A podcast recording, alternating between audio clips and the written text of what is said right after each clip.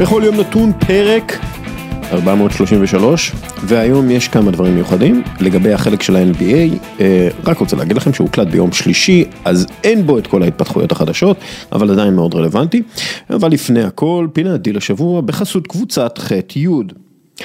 השבוע נעסוק בפיפא והדילים שלה. הפתעה, פיפ"א מצפה להכנסות של יותר משישה וחצי מיליארד דולר בין 2019 עד לסוף 2022, שאלו שנים שמכונות מחזור מונדיאל. בדוח השנתי ל-2021, פיפ"א אמרה שהגיעה להכנסה של יותר מ-766 מיליון דולר, שזה בערך 3% יותר מהצפי שלהם בתחילת השנה. הסכום הזה גם מייצג עלייה של 187 אחוז בהכנסות מ-2020. אז אז פיפ"א הכניסה 266 וחצי מיליון דולר. נכון ל-31 בדצמבר 2021, ההכנסות של פיפ"א במחזור המונדיאל עמדו על 6.1 מיליארד דולר, 95 אחוז מצווי הכנסות למחזור המונדיאל. שמסתיים בקטר 2022.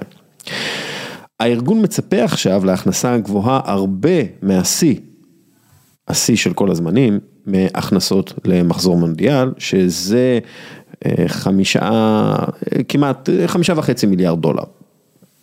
אז מאיפה ההכנסות?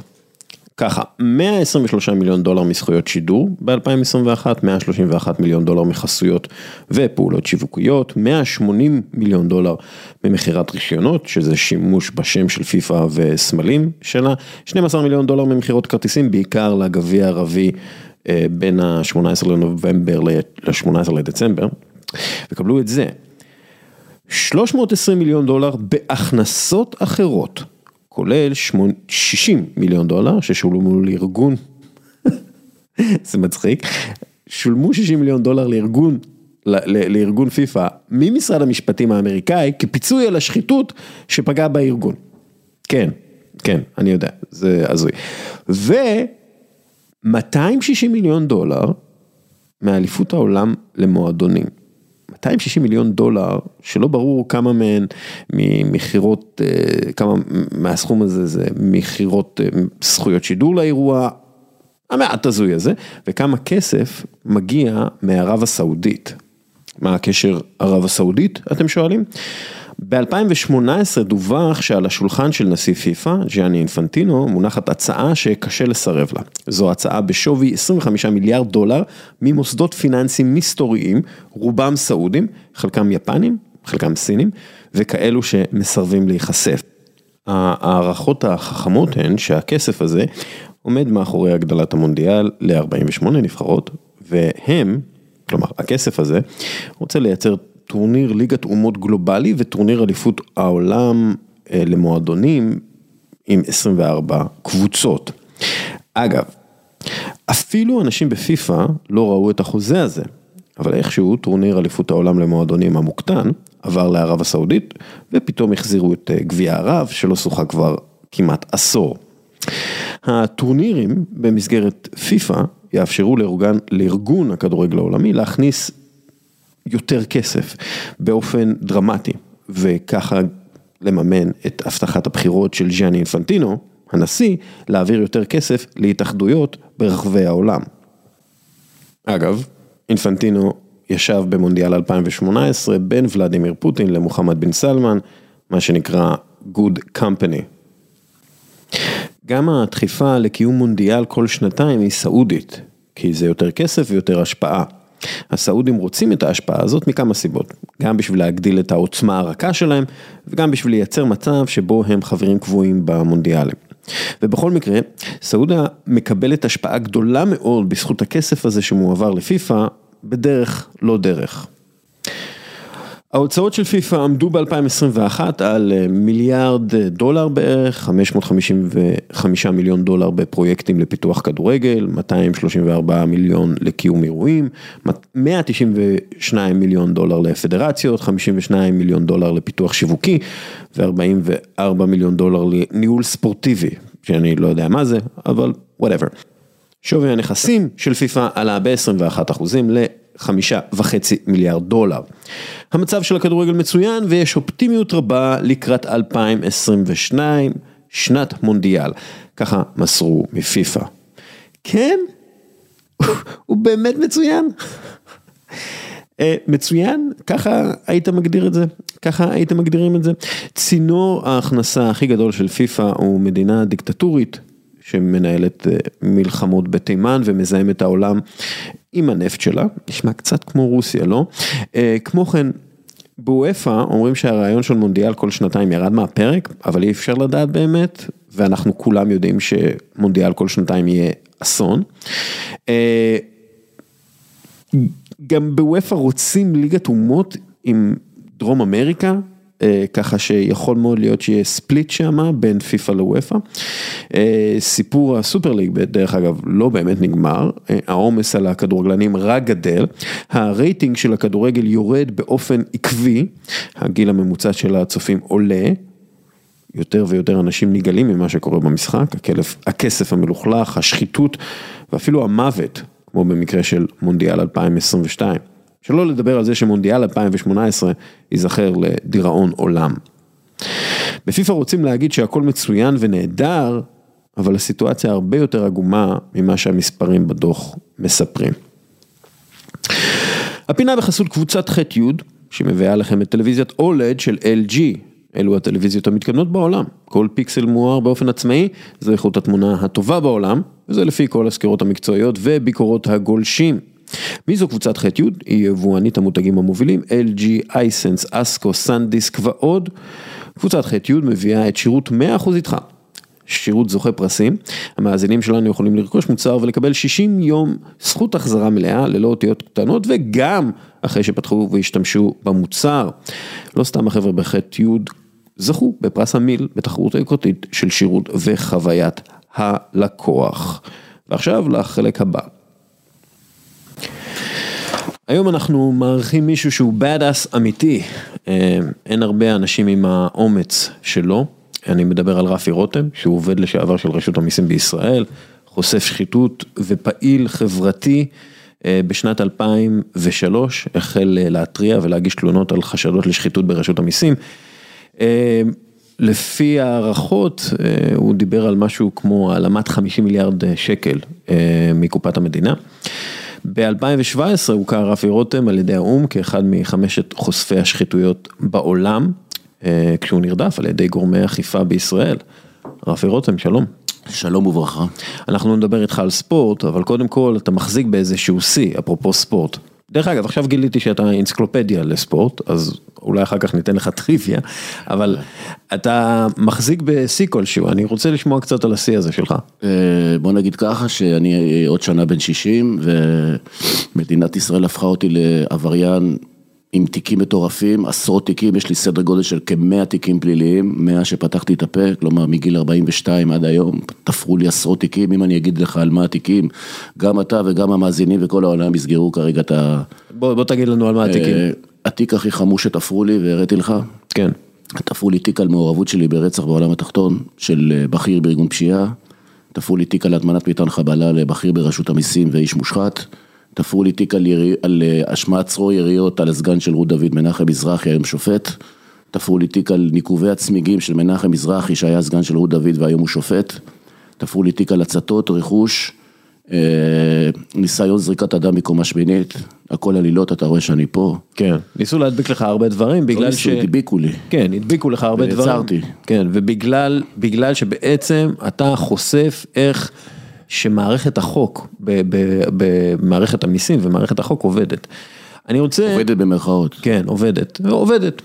אתה יודע, המכונה עובדת, מה שנקרא.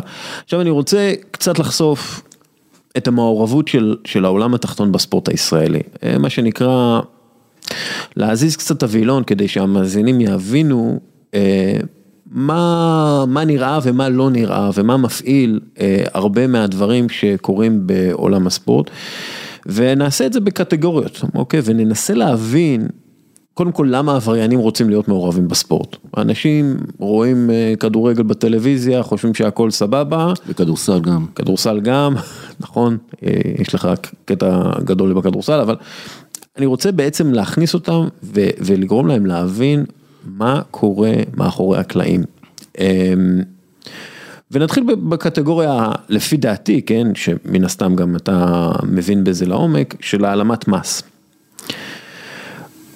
איך בעצם ספורט או קבוצת ספורט יכול, אה, קבוצת ספורט יכולה לסייע בהעלמת מס? יש דבר שנקרא, אני אתן לך מעולם המיסים, ומזה אתה יכול להשית את זה על עולם הספורט. זה כמו הוצאה של חשבוניות מס פיקטיביות. כן. אה, חוזים בין שחקני כדורגל, זה בינך לבין ההנהלה, בין ההנהלה לבין השחקן, אפשר לכתוב סכום מסוים ולתת לו סכום מסוים. ודרך זה אפשר להוציא כספים במרמה ממועדוני ספורט. כך היה בכל מיני מועדונים שאם תרצה אחרי זה אני יכול לפרט לך באופן אישי, לא כרגע למיקרופון, כן. מכיוון שאתה יודע, זה כרגע לא, לא, לא נמצא בשום דבר משפטי או כאלה, אבל... בוא, בוא רק נגיד ש, שאפשר לקחת הרבה מאוד כסף מליגת האלופות ולהעלים אותו. ברור, ברור, זה מה שעשו במועדון כדורגל שקרוב לליבי ושמו הפועל תל אביב. אמ, ובעצם אנחנו רואים, מה זה אומר בעצם? כלומר, מה זה אומר ש... עושים כספים במרמה. איך עושים דבר כזה במועדון כדורגל? לוקחים שחקן כדורגל. כן. עושים איתו חוזה, נגיד, לא יודע מה, לצורך העניין, אה, כותבים על הנייר 400 אלף יורו לעונה, הוא מקבל 250 אלף יורו, קצת מה-150 נותנים לו, את השאר לקח מי שצריך לקחת, תודה רבה, שלום. Okay. אוקיי. אין להתלונן, אף אחד לא יתלונן, אבל אתה צריך להבין, בשני סוגים של עבירות בפשע, שאתה מחליף את האותיות ביניהם, אין מתלוננים, לא מיסים ולא סמים. כן. בסדר? אף אחד לא יתלונן, זה לא רצח, אונס וכל מיני כאלה. זה משתלם לשני הצדדים. כן. ככה מוצאים כספים. ועכשיו, אני יודע באופן אישי, כשאני הגעתי לרשויות המס ושאלתי אם אה, מנהלים חקירה על זה, כי בכל זאת אה, נחשפו צ'קים ונחשפו אה, כל מיני תשלומים מנופחים לחברות קייטרינג וכאלה. אמרו לי רשות, רשויות המס, לא, אנחנו לא, אנחנו לא מדברים על דברים פרטיים. ניסיתי לברר אם בכלל יש חקירה, כלום. תשמע, אני גם שלחתי לך מסמכים מתוך בית משפט, ואם תרצה אני אקריא לך פרוטוקול. העניין, הממסד, כממסד, ואני מדבר על הממסד כולו, כי המלחמה שלי, ויחד עם החברים שלי, והראיתי לך פה שאנחנו 15 חושפי שחיתויות מרשות המיסים. הממסד כולו, קרי שופטים, פרקליטות, משטרה, מבקר המדינה, נציבות שירות המדינה, לא רוצים לחשוף שחיתויות, הם רוצים שקט. בסדר? אני הראיתי לך דוגמה, אם תרצה אני אקריא לך אותה, על דברים שהיו בבית משפט, במשפט שהצליחו לתפור לי על זה שאני מעליב את המושחתים. שמה אמרתי יהיה צדק, ואני אחשוף את הכל בבית המשפט. ואני מראה לך פרוטוקול, ואתה יכול לאשר את זה למאזינים, ששם אני שאלתי אנשים מושחתים מתוך רשות המיסים ומהמשטרה, שאלות שקשורות לגורמי ספורט. שלא נחקרו והיו צריכים לחקר, כי היו תיקים מוכנים כבר במודיעין, במחלקת החקירות ברשות המיסים, שזה מקבילה ללהב 433, בתוך רשות המיסים איפה שאני הייתי. ואתה יכול לאשר שאני שאלתי שאלות לגבי חשבונות של אה, אנשי ספורט, אלו ואחרים שמצאנו בחוץ לארץ וכאלה. והפרקליטות אמרה, זה לא המקום לחשוף את זה. והשופט אה, דניאל בארי זרם איתם.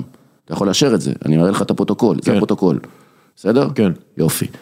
זה דבר שלא יכול להיות, זה דבר שכאילו הממסד, הוא צריך להבין דבר פשוט, שכסף ענק שמועלם דרך אנשי עסקים וטייקונים וגור, וגורמים בארגוני פשיעה שחלקם קשורים לעולם הספורט, הוא כסף ציבורי שצריך להיות לטובת הציבור, לא לטובת הטייקונים וארגוני הפשיעה שחלקם משחדים אנשים בהנהלת רשות המיסים ובמחלקת החקירות.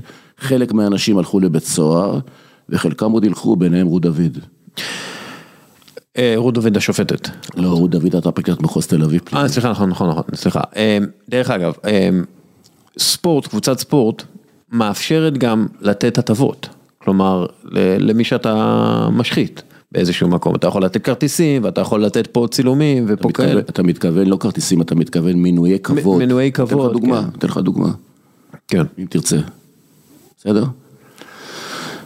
מנהל רשות המיסים איתן רוב, בסדר? שהוא היה באיגוד הכדורסל, העברתי חומר למי שצריך להעביר, על זה שהוא קיבל מינויים למשחקי מכבי תל אביב כדורסל ביציע הכבוד ביד אליהו. כן, זה היה סיפור דרך אגב, זה התפרסם. זה התפרסם, אבל כן. היה מי שצריך להעביר את זה, למי שצריך להעביר את זה. כן. אני העברתי את זה למשטרה והעברתי את זה לפרקליטות לרות דוד, לא עשו שום דבר. מבקר המדינה בצורה זו או אחרת הוציא איזה דוח חמור בסיפור הזה. ומה נהיה מאז? כלום. כן. מכיוון שמי שצריך לחקור את זה, זה לא מבקר המדינה, מי שצריך לחקור את זה זה משטרת ישראל והפרקליטות. יש תיק קיים במשטרת מחוז תל אביב, נגד רות דוד, קראו לי איזה 20 פעם, משנת 2016 עד 2020. מספר התיק 260, אתה רואה שאני לא קורא מדף, אני מדבר הכל כן, כן, מ- מדם ליבי.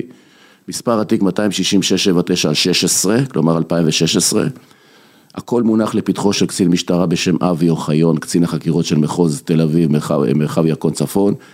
אחד לא זומן לחקור, שיחקרו אותו במשטרה. אחד לא, לא רות דוד, לא מנחם מזרחי, לא החברים שלי מרשות המיסים, שום דבר לא נעשה. וזה הרבה. וזה הרבה כסף.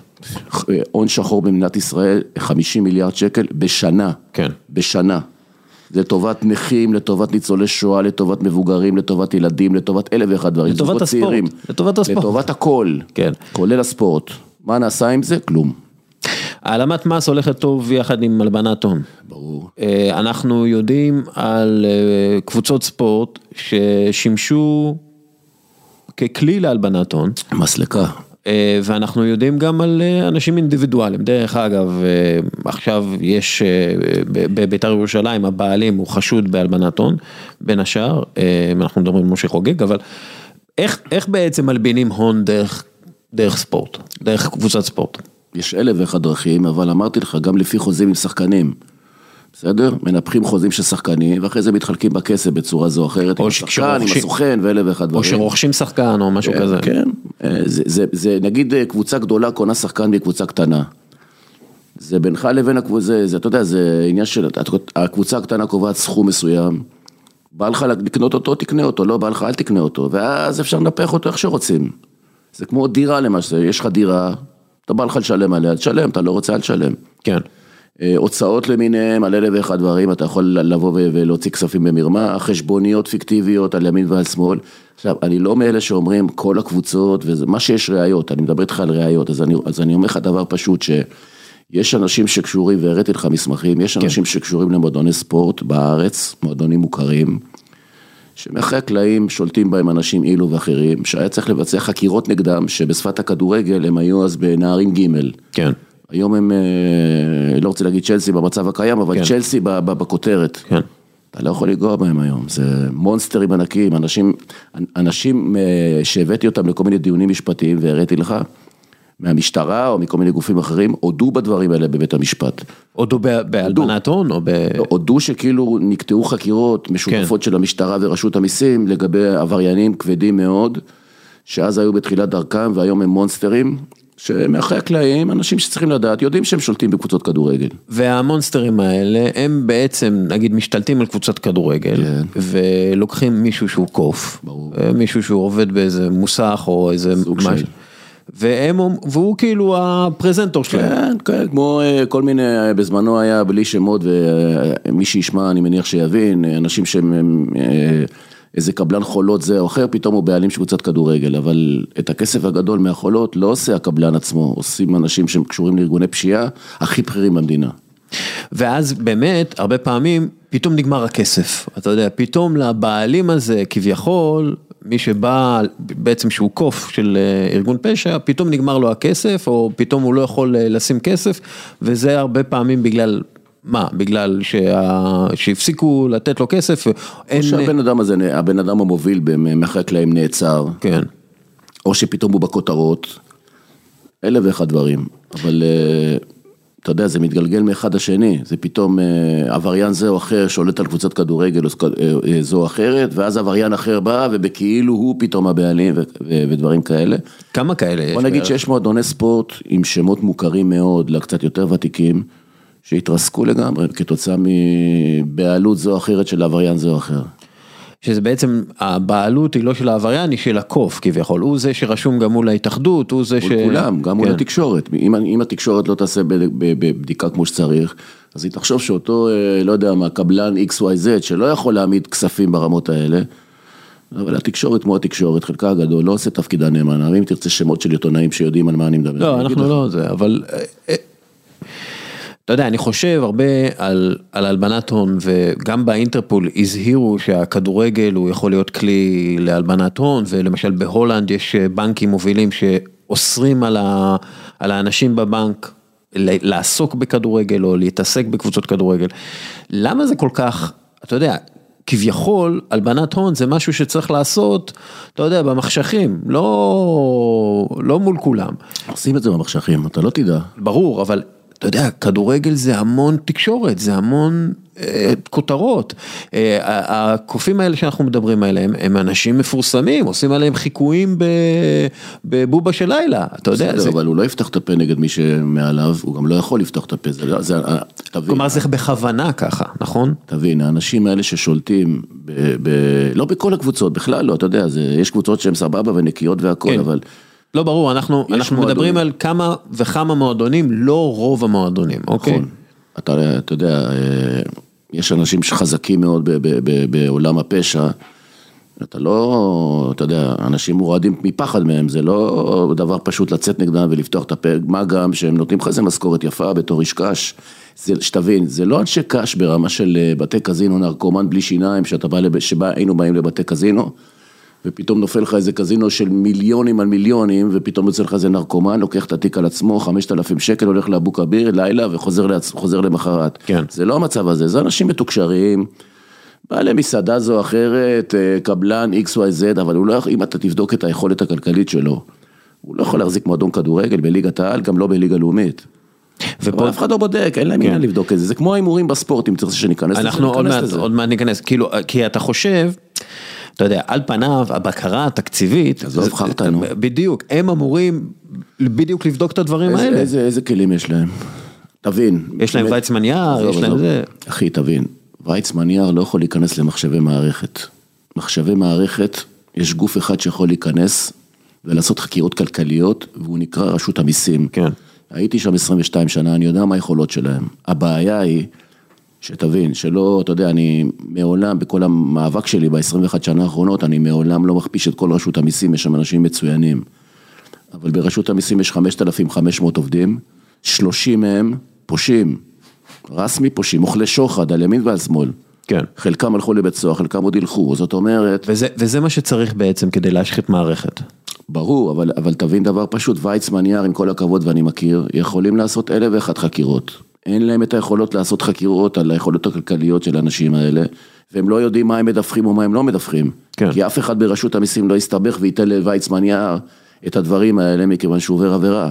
ואז בעצם אחרי שזה עובר כביכול את הבקרה התקציבית, כן. כאילו אותו קוף הוא כשר. הוא הביא את הכסף, לא יודעים מאיפה הכסף, אבל יש לו את הכסף, אז הוא הביא את הכסף ולכן שותקים.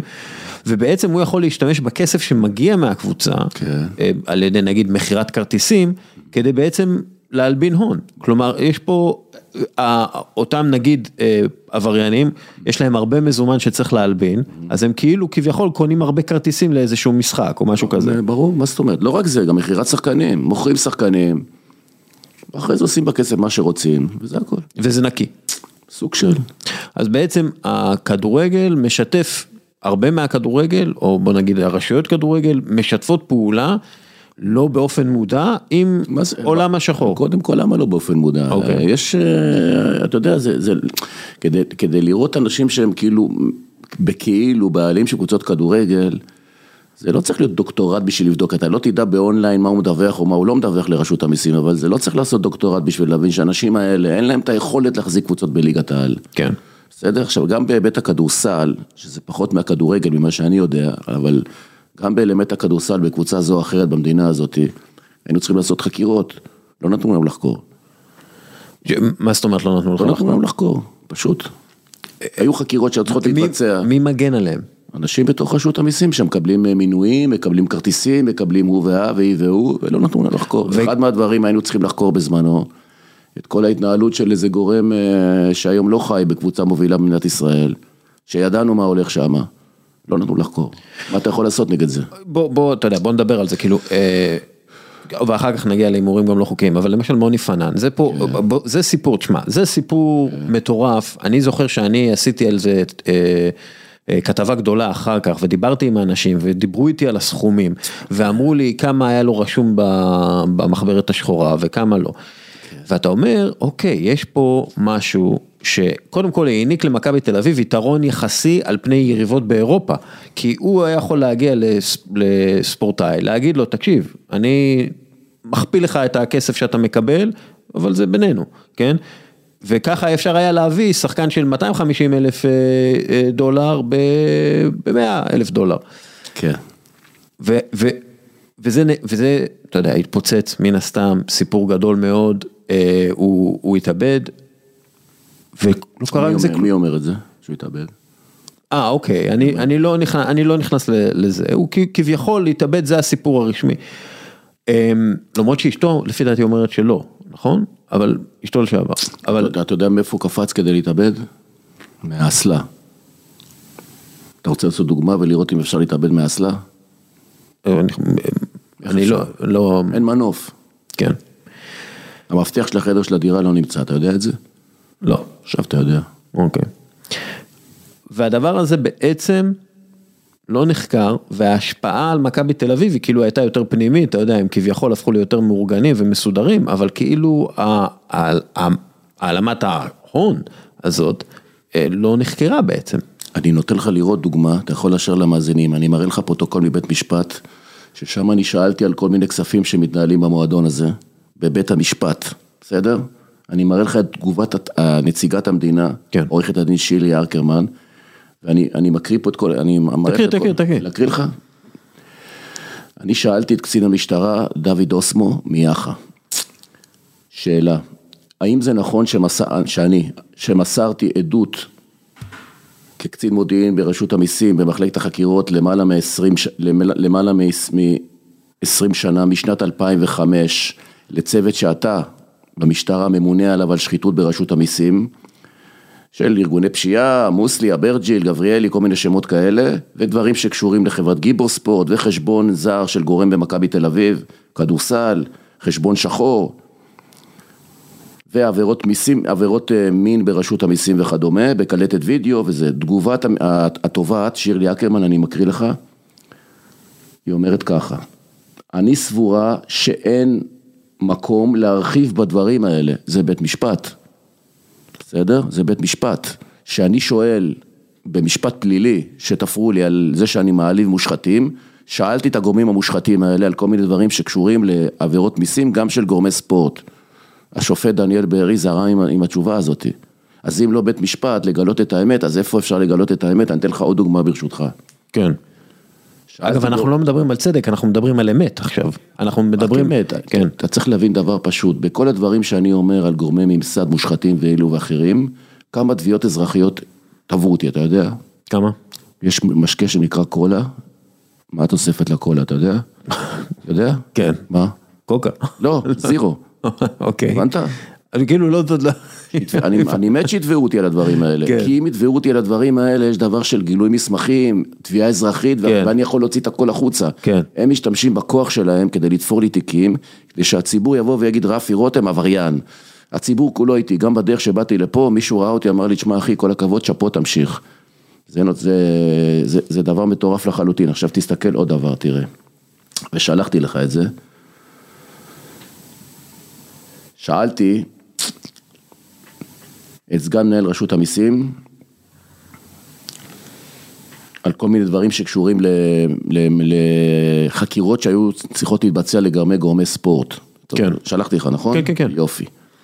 שום דבר לא נעשה. התובעת בבית המשפט אה, לא רצתה להרחיב, השופט זרם איתם, ואותו בן אדם תפר לי תיק על זה שהטמנתי מטען חבלה בבית שלו, נעצרתי. כן, יש כתב אישום נגדי, אתה חושב? לא, לא. ומן הסתם גם לא היה תביעה אזרחית כמו שאמרת. ממש לא. הלוואי ותהיה, והלוואי ורות אבי תתבע אותי, הלוואי. אמ, עכשיו, שוב, אנחנו, זה, אנחנו מדברים על מכבי תל אביב, זה, זה ארגון רק אני הספורט, רוצה להגיד משהו שאם אם- אם ישמעו אותי, ואני רפי רותם והכל, ואני אוהד הפועל תל אביב, וזה ידוע, זה לא מעניין אותי לא הפועל, לא מכבי ולא שמשון. היו, הייתי מעורב בתיקים גם נגד שהיו גורמים בהפועל, וגם שהיו גורמים בשמשון ואלף ואחד דברים, זה לא השיקולים בכלל. לא לא. שלי ולא של החברים שלי. מי שצריך לקבל תיק, יקבל תיק מצידי שיועד אפילו לא יודע מי. אבל אנחנו מדברים פה על, על המותג מספר אחד בספורט הישראלי. לדעתך. שוב, זה לא, אתה יודע, זה לא לדעתי, זה הקבוצה הכי אהודה בישראל וכל הדברים האלה. כלומר, יש פה, יש פה, יש פה, אתה יודע, קבוצת ענק, שמן הסתם מתבצע פה פשע פיננסי משמעותי, ממה שאנחנו יודעים, כאילו, ממה שאנחנו חושדים, יכול להיות פשעים אחרים. מודיעינית, מודיעינית. מודיעינית, חקירה לא נתנו לעשות. זה מדהים. זה פשוט, זה מדהים. זה המצב. אמ, הראיתי לך מסמך, הראיתי לך מסמך, אתה יכול אם אתה רוצה לאשר אותו למאזינים, שב-2000, ש- שפנינו למבקר המדינה, כדי שיקים ועדת חקירה לבדיקת כל הפרשה ברשות המיסים, על ידי רשות המיסים, נציבות שירות המדינה, משטרת ישראל והפרקליטות, חתומים על זה 15 אנשים בשמות שלהם, מאשר? כן. מאשר. כן. מה עשו עם זה? כלום. זה בעצם החושפי שחיתויות. שפותחים את הפה על כל הדברים האלה שקשורים לחשיפה של מקור מודיעיני שנרצח, אותו דבר עם הסיפור מפתח לא נמצא וכל מיני כאלה, עבירות מין ברשות המיסים על ידי בכיר קלטת וידאו, עבירות של ארגוני פשיעה, עבירות של טייקונים שחלקם קשורים לעולם הספורט, גיבור ספורט, דובה, כל מיני יד אליהו, מועדון ספורט זה ואחר שמי שצריך להבין מבין על מה אני מדבר, לא עשו כלום, כלום, מחפשים את הראש של אדם אחד, רפי רותם. ושוב, אנחנו גם מודעים לזה שיש פשוט שימוש בכרטיסים ומנויים ופינוקים כדי לקנות אנשים, נכון? כלומר, הספורט הוא טוב גם בשביל זה. ברור, אתה צריך להבין דבר פשוט, תראה, כאחד שאוהד ספורט משנת 68, אני, שיש משחק חם, לדוגמה דרבי התל אביבי, ואני אומר לך את זה מידיעה, יש אנשי עסקים שקונים 20 מינויים למשחקים של מכבי והפועל לשער אחד הכבוד. למה? תשאל למה, אתה יודע למה? למה? אני אסביר לך. מכיוון שלמשחק חם כזה, שאין כרטיסים והכל סולד אאוט ונמכר, מנוי לתא כבוד, שפוני, תראו אותי וכאלה, זה מש- משתלם לאותו בן אדם שמחזיק את המינויים האלה. זה פותח לו צוהר לאלף ואחד דברים של אה, עסקים וכל מיני כאלה, ואז הוא נותן לאותו בן אדם, אם זה איש עסקים או אם זה איש חוק זה או אחר, אלף ואחד אפשרויות לעתיד הכלכלי שלו. הבנת מה אני אומר? כן. זה הכל. כן, שוב, אנחנו יודעים גם כן ש, שעולם הספורט הוא טוב מאוד להלבנת תדמית באיזשהו מקום. רומן אברמוביץ' הוא צ'לסי, הוא, הוא, הוא קונה את צ'לסי הרבה בגלל, בשביל הנראות, בשביל ההגנה מול פוטין וגם בשביל להלבין את תדמיתו. אנחנו רואים את הקטרים, מה שפריס סן ג'מאן ומה שסעודיה עושה בניוקאסל. ובסופו של דבר זה גם קורה בעולם הקטן שלנו, מישהו שהוא עבריין. רוצה להיכנס לעולם הספורט בגלל שזה תקשורת וזה קשרים עם אנשים מהאצולה הישראלית. כן, אבל זה, זה יותר עבר- עברייני צווארון לבן. כן, אבל עדיין. אבל אנשים אחרים שהם בעולם הפשע, הפשע, אתה לא, הוא לא יתראיין ויגיד לך הקבוצה הזאת שלי. כן. אתה מבין מה אני אומר? לא, ברור, אני פשוט אומר שחלק מהפשעים בעולם, ה... בעולם הספורט, אה, לא נעשים בעולם הספורט, אבל מולבנים בעולם הספורט. ברור. אה, הימורים לא חוקיים, בוא, בוא נדבר על זה גם. אין בעיה. אה, אתה יודע, למשל, אחד מהדברים שכל הזמן אומרים, תראה את המשחק הזה בליגה הלאומית, זה נראה מכור. תראה את המשחק הזה בליגת העל, זה נראה מו- מוזר.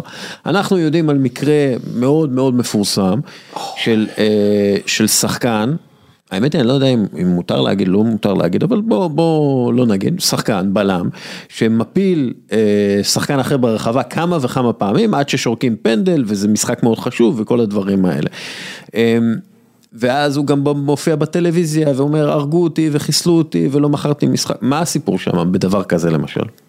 תראה, אני אתן לך דוגמה בכללי, כדי לא לדבר על בן אדם שלא הורשע, ואנחנו, אני גם כן. מבין על, על מי אתה מדבר, ואנחנו מבינים על מה אתה מדבר. אני בש, בשנת 96-7, שעוד נתנו לי לעבוד, הייתי מעורב בצח"ם, צוות חקירה מיוחד, יחד, יחד עם אנשי יחב"ל, אז לא היה להב, עם יחב"ל, בנושא של הימורים לא חוקיים בספורט. אז היה מנהל רשות, לא היה מנהל רשות המיסים, היה מנהל מע"מ ומכס, היה אריה זייף, שהוא היה בשני כובעים, גם כן. בספורט וגם זה. ואז היה צח"ם, והבאנו שחקנים, וחקרנו, ואלף ואחד דברים, והכל זה למראית עין, זה בפוזה. לממסד אין עניין לשווק לציבור שהמשחקים בליגת העל או בליגה הלאומית מכורים. כן. למה? כי אז אנשים יפסיקו להמר. עכשיו, הקטע של הווינר והקטע של הטוטו וכל הבלגנים האלה, זה מכניס למדינה הזאת טונה של כסף. אם יהיה מצב שאנשים לא יאמינו לתואר הספורט, למרות שלפעמים אתה רואה דברים מזעזעים, כאילו כל מי שגדל על ספורט ועוקב רואה חרטות על גבי חרטות, אבל אתה יודע, משטרת ישראל והפרקליטות צריכים, צריכים להגיש כתב אישום ול, ו, ו, ולהוכיח את הדברים האלה בבתי משפט. אתה מכיר איזה מישהו שהורשע, שחקן כדורגל על דברים כאלה? לא. אני לא מכיר. זה המצב. שלא נדבר על זה, שלא כאילו- נדבר על זה שכל הדברים שאני מדבר איתך, הגיעו לפתחה בראיות, עדויות, קלטות ומסמכים, כל הדברים ש... אז הראיתי לך את המסמך של 15 חברים שלי לרות דוד. כשאני דיברתי על רות דוד, אף אחד לא האמין לי. כן. היום הציבור מבין שרות דוד זה מגה מושחתת. ו- ויש פה, אתה יודע, למשל, כאילו איך גורמים לשחקן למכור משחק? כאילו למשל נגיד בש- בשחקן ההוא שדיברנו עליו, יש פה, אתה יודע, יש פה סיפור מאחורה, זה לא שהוא סתם מכר משחק. ברור, אף אחד לא עושה דברים סתם. כן. לכל דבר יש מניע זה או אחר, אבל uh, הדברים האלה לא הגיעו לבית משפט. כל מי שמבין כדורגל ורואה, ורואה דברים מסוימים, אה, הלוך וחזור על ידי שחקן זה או אחר, הוא מבין את הסיטואציה, אבל למחרת הציבור עובר לסדר היום. מי שצריך לראות את מה שקורה זה גורמי אכיפה, וגורמי אכיפה בדברים מסוימים לא עושים שום דבר, מטייחים. איך, איך משפיעים על שחקן למכור משחק? למשל במקרה של, של ההוא. עזוב, לא, לא, לא, לא ניכנס לאותו שחקן, אבל אתה יודע, חובות של מישהו שקשור אליו, חובות שלו, אנשים ב... אה, אה, אה, מניסיון, מאז כן. החקירה שהי- שחקרנו בזמנו, אז בצח"ם הזה. אנשים שקשורים לעולם הכדורגל, יש להם טונה של כסף, שחקני כדורגל אני מדבר איתך, שמרוויחים טונה של כסף, מעורבים בהימורים זה או אחר, צריך הלוואות ממאשרים בקזינו זה אחר, או בהימורים אלו ואחרים. ברגע שאתה נמצא ביד של אותה, אותו ארגון פשיעה, או מאשרים למיניהם, אם צריך, אתה תעשה מה שהם רוצים. אה, בוא נגיד ככה. י- יגיד לך, יתקשר בזמנו- אליך. אני אתן לך דוגמה, היה בזמנו שחקן מוביל בכדורגל הישראלי, שעבר מקבוצה בליגת העל לקבוצה אחרת בליגת העל בגלל חובות. חובות של, של, שלא, חובות למי? ארגוני פשיעה, לארגוני פשיעה שהיו ב- בשליטת, אה, מועדון זה או אחר. כן, ברור, אתה יודע למי אני מתכוון. כן. אה, ואתה יודע, למשל, אז כאילו, פסול, רגע, דרך אגב, זה דבר פסול. בעיקרו זה פסול, כולם יודעים את זה. חקירה הייתה? לא. כן, לא באלף. לא הייתה חקירה. כן, כן. ו- וכשאתה יודע, כשאנחנו מדברים, אתה יודע, אנשים רואים משחק, רואים פתאום שוער עושה טעות שלא אמור אתה לעשות, מתכוון נכנס עם הכדור לתוך השער? נכנס עם הכדור לתוך השער, אז הוא אז עושים חקירה למראית עין, וזה הכל. כן. אה, אגב, ויצמן יער לא יכולים לעשות שום דבר, אה, זה חקירה לפרוטוקול, מה שנקרא. אמרתי לך, בעבירות שקשורות לכסף, ובעבירות שקשורות לסמים, להבדיל כמובן, אם אין מתלונן, ראיות, הקלטות וכאלה, כן. אז יעשו חקירה למראית עין ויטייחו. ונגיד הימורים אה, לא חוקיים, אנחנו יודעים על, אתה גם חקרת, שחקנים ממש, הכי מובילים במדינה, הכי מובילים, כדורסל כדורגל. הכל. ומה, אתה יודע, על מה חקרת אותם בעצם, מה, אותם. מה הם עשו, מה, חקרנו אותם על הימורים, הימורים, שמצאנו תרשומות בכל מיני אנשים שמתעסקים בהימורים לא חוקיים, לא מדבר איתך על ווינר וכאלה, הימורים לא כן. חוקיים. אה, חלקם חקרנו בגלוי וחלקם חקרנו, אתה יודע, הביאו אותם ביום שישי בשש בערב, כדי שהמצלמה לא תתפוס אותו ביציאה מיחב"ל וכאלה. אמרתי לך את השם של כן, הבן אדם. שמות גדולים מאוד, כן. מאוד גדולים של שחקנים, אה, לדוגמה בשחקן כדורסל מוכר, שאמרתי לך את את כן. השם שלו, שהתקשורת בכלל לא ידעה שהוא נחקר. כל השחקני כדורגל המובילים אז שהיו נחקרו וצילומים ויצאו, אתה יודע איך זה עובד, מחכים להם בחוץ ואז למשטרה ול- ולרשות המיסים יש עניין שיראו אותו יוצא מהחקירות, כי זה קצת מרתיע וכל מיני כאלה. אותו שחקן כדורסל, שש בערב, חקירה, אף אחד לא ידע, אף אחד לא שמע, הכל. אה, ואנחנו, שוב, אנחנו, מצאנו שתבין דבר פשוט, מצאנו צ'ק שלו, ש- צ'ק של כמה, כמה, כמה סכומים, כאילו מה הסכומים שאנחנו מדברים? חמש ספרות. על הימור, אין, הוא שם הימור בצ'ק, כן. ודרך אגב, היום הרבה יותר קל להמר, כאילו על סכומים גדולים, הכל בביט, הכל בזה, כאילו זה לא, שום דבר, אם רוצים לחקור, אפשר לחקור הכל ולהגיע להכל. בוא נגיד ככה, אתה לא מגיע, כשאתה עושה תיק חקירה או תיק מודיעיני, אתה לא מצפה לתפוס 100% מהפשע. כן. גם 50-60 אחוז זה טוב. במדינת ישראל יש אנשים שלא רוצים לחקור אותם אפילו באחוז אחד. אוקיי, אנחנו עכשיו לקראת הסוף, כי כי באמת יש פה... רוצה, אתה רוצה את פרשת גיבור ספורט והשופטת ורדה סמט? אני יכול להגיד לך. בוא, בוא נעשה את זה ואז כאילו נדבר על התקשורת ומה אפשר לעשות בעצם. בבקשה. אז גיבור ספורט. גיבור ספורט. אה, אני הגעתי ל... התחיל לעשות לי צרות ברשות המיסים, ואז הלכתי לבית הדין לעבודה, שאתה יכול להגיד עליה הכל, אבל תמים אני לא. אמרתי, בית דין לעבודה, יצא הכל, יצא כל האמת. והגעתי לשופטת ורדה סמט בבית הדין לעבודה בשוקן. הבאתי את כל החברים שלי שהעידו על כל מה שקורה ואמרו שמחזקים אותי, ושתבין, אנשי חקירות עושים חקירה על תיק שלהם. אני הייתי קצין מודיעין שלהם, אז אני יודע על כל התיקים של כולם בתוך המערכת, איפה, למי שאני קשור, ברשות המיסים, בביקורת וכל הדברים האלה. אחד מהתיקים, אה, השופטת ורדה סמט, אם היא שופטת אני יכול להיות אפיפיור, אמרה לי, תן לי בבקשה דוגמה ותביא לי אנשים שקשורים לאיזה תיק גדול שעשיתם. ולא נתנו לכם לעבוד. אמרתי לה, אין בעיה, אחד התיקים זה גיבור ספורט. זה בניין קטן של 29 קומות. כן. במרכאות קטן, בבורסה ברמת גן שמה. שהיה תיק חקירה ענק, ונתנו לנו לחקור עד הקופים. קופים, שהמאזינים יבינו, קופים זה אנשים שלוקחים תיקים על עצמם, כן. מקבלים ככה וככה שקלים. הפרונט לא של... מגיעים, כן, כן, לא מגיעים למובילים. המובילים בגיבור ספורט, הבעלים היו קשורים לקבוצת כדורסל מובילה במדינת ישראל, זה אתה יודע. לא נתנו להם לחקור אותם. ואז אה, הבאנו, הבאתי את האנשי חקירות שאמרו את זה בבית משפט בפרוטוקול והכל. את השופטת זה לא עניין בכלל, בכלל לא עניין, ולא הבנו למה. ואז הגענו לראיות דרך תחקירן בשם משה ליכטמן בגלובס, שאתה מכיר אותו. כן.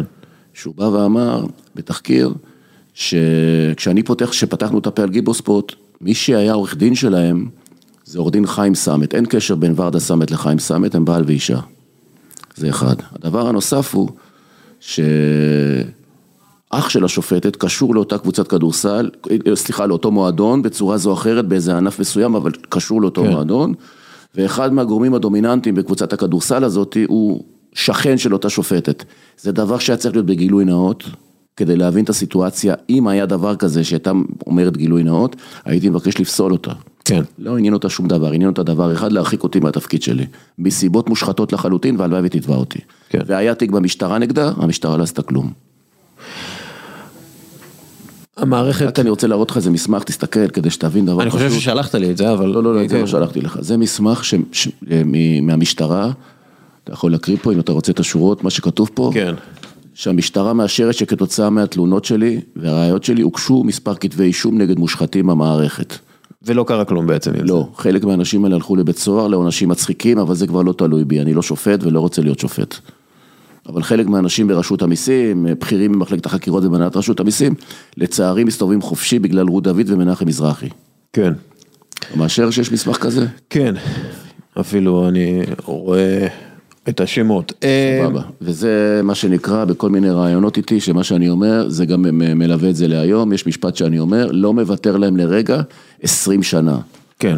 פירקנו, פירקנו, פירקנו, יחד עם, יחד עם החברים שלי מפכ"ל, בסדר? כן. את שיקו אדרי ועוד איזה קצין מסוים שרצה להיות מפכ"ל בשם דורון ידיד. ואנחנו ממשיכים במלחמה, אבל אני לא מוותר להם לרגע, ומצידי שיהיה לי גם 2,500 תיקים ביום. ובגלל זה אני רואה אותך כגיבור.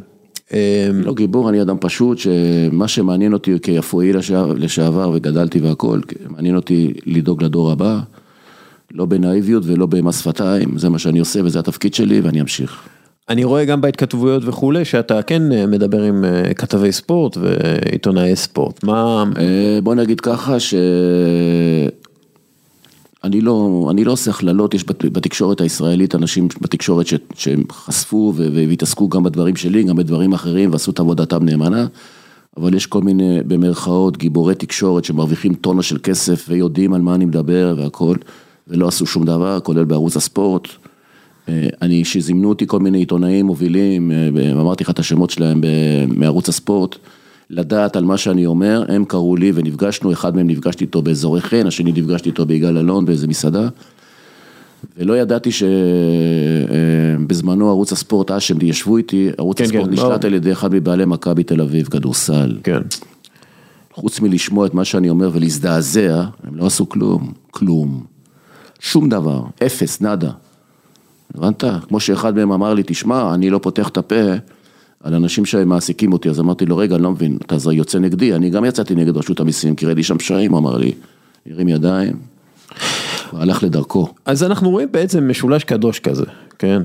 משולש לא קדוש, שיש את, ה, שיש את הרשות, יש את הפרקליטות, יש את המשטרה, ו, ו, ומי שבעצם אמור אה, לפצח את המשולש שחיתות הזה, זה התקשורת באיזשהו מקום, וגם זה לא קורה.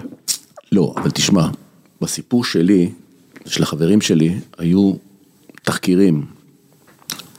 תחקירים, תחקירים. העיתונאי לא יכול לחקור ולא יכול להעמיד כן. לדין. זה דברים שהגיעו לפתחה של רות דוד, בסדר? ורות דוד סגרה את הדברים האלה בחוסר אשמה. אז גם כשעושים את העבודה, בשלושה ימים, כן. כן. רק רוצה להגיד מילה, בשלושה ימים ביניהם שיש שבת יחד עם העוזר שלה מנחם מזרחי. עכשיו, כל החומרים שלי הגיעו לפתחו של נציב הביקורת על הפרקליטות, השופט בדימוס דוד רוזן, שופט מחוזי, שבזמנו הרשיע את אולמרט כראש הממשלה ושלח אותו לבית סוהר, זוכר?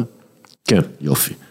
הוא מבין במשפט יותר טוב ממני, וסליחה שאני אומר, גם ממך. הוא מבין בראיות, הוא שופט, כן. לשעבר.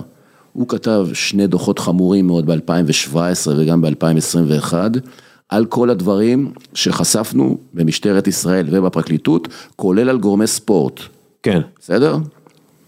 מה המשטרה עשתה עם הדוחות האלה? הדוחות האלה הגיעו לפתח, לפתחם של קצינים בכירים במשטרת ישראל. מה הם עשו? כלום. אפס. אז כלומר, גם כשעושים את החקירה ואת התחקיר, סליחה, התקשורת עושה את התחקיר ונכנסת לעניינים האלה, כמו שקרה לי דרך אגב כמה פעמים, אה, עשיתי תחקיר, הגעתי, הוכחתי אפילו פשע, וזה פשוט מגיע לרשויות, ובגלל שזה ספורט, בגלל שלא רוצים שזה יהיה בכותרת, בגלל שמקבלים כל מיני הטבות, בגלל כל מיני דברים כאלה, יגידו לא לך. יגידו, לך את מילת המפתח, בטיפול. בטיפול, נכון, חרטא. בטיפול. חרטא. עכשיו, איך אני יודע שלא יש איזה משהו? בטיפול שאני עובד עליו עכשיו מ-2017 בטיפול. אתה יודע מתי פרשת רשות המיסים התחילה?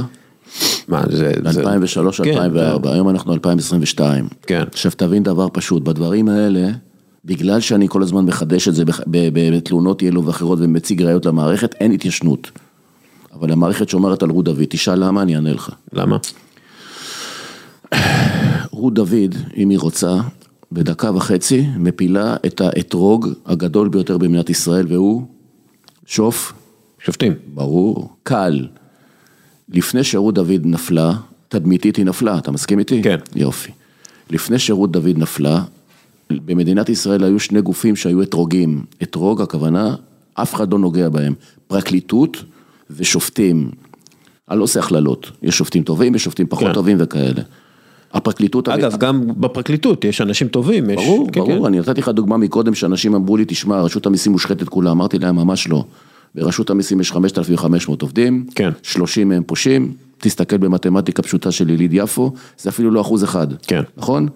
לא כל אחד שלקח אוטו לסידור של שעה הוא אדם מושחת, מושחת בהגדרה זה אדם שבפניו הוצגו ראיות על פשעים של זה או אחר, והוא לקח מהם שוחד, גם כן. מינוי למשחק כדורס... אה, ל- ל- ל- לקבוצת כדורסל, כדורגל, זה שוחד, כן. מסכים? כן, זה הרבה כסף. יופי, אנשים ברשות המיסים אכלו דירות, כן.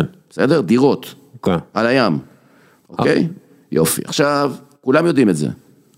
עכשיו, בסיטואציה הקיימת של רות דוד, אם אתה תעקוב, ואני עוקב אחרי המשפט שלה, משפט קרקס, היא תמיד, אתה יודע שיש מצב שרות דוד כועסת על המערכת. מה זה כועסת על המערכת? זה סוג של איום. אם היא רוצה, היא לוקחת שופטים מבית משפט עליון לבית סוהר. אתה איתי? כן. אתה רוצה שמות? לא, אנחנו לא... זה אני אגיד לך. אה, תגיד לי אחר כך. אין אה, בעיה. אוקיי, נסיים עם שאלה, מה אפשר לעשות? להילחם, לא מוותרים.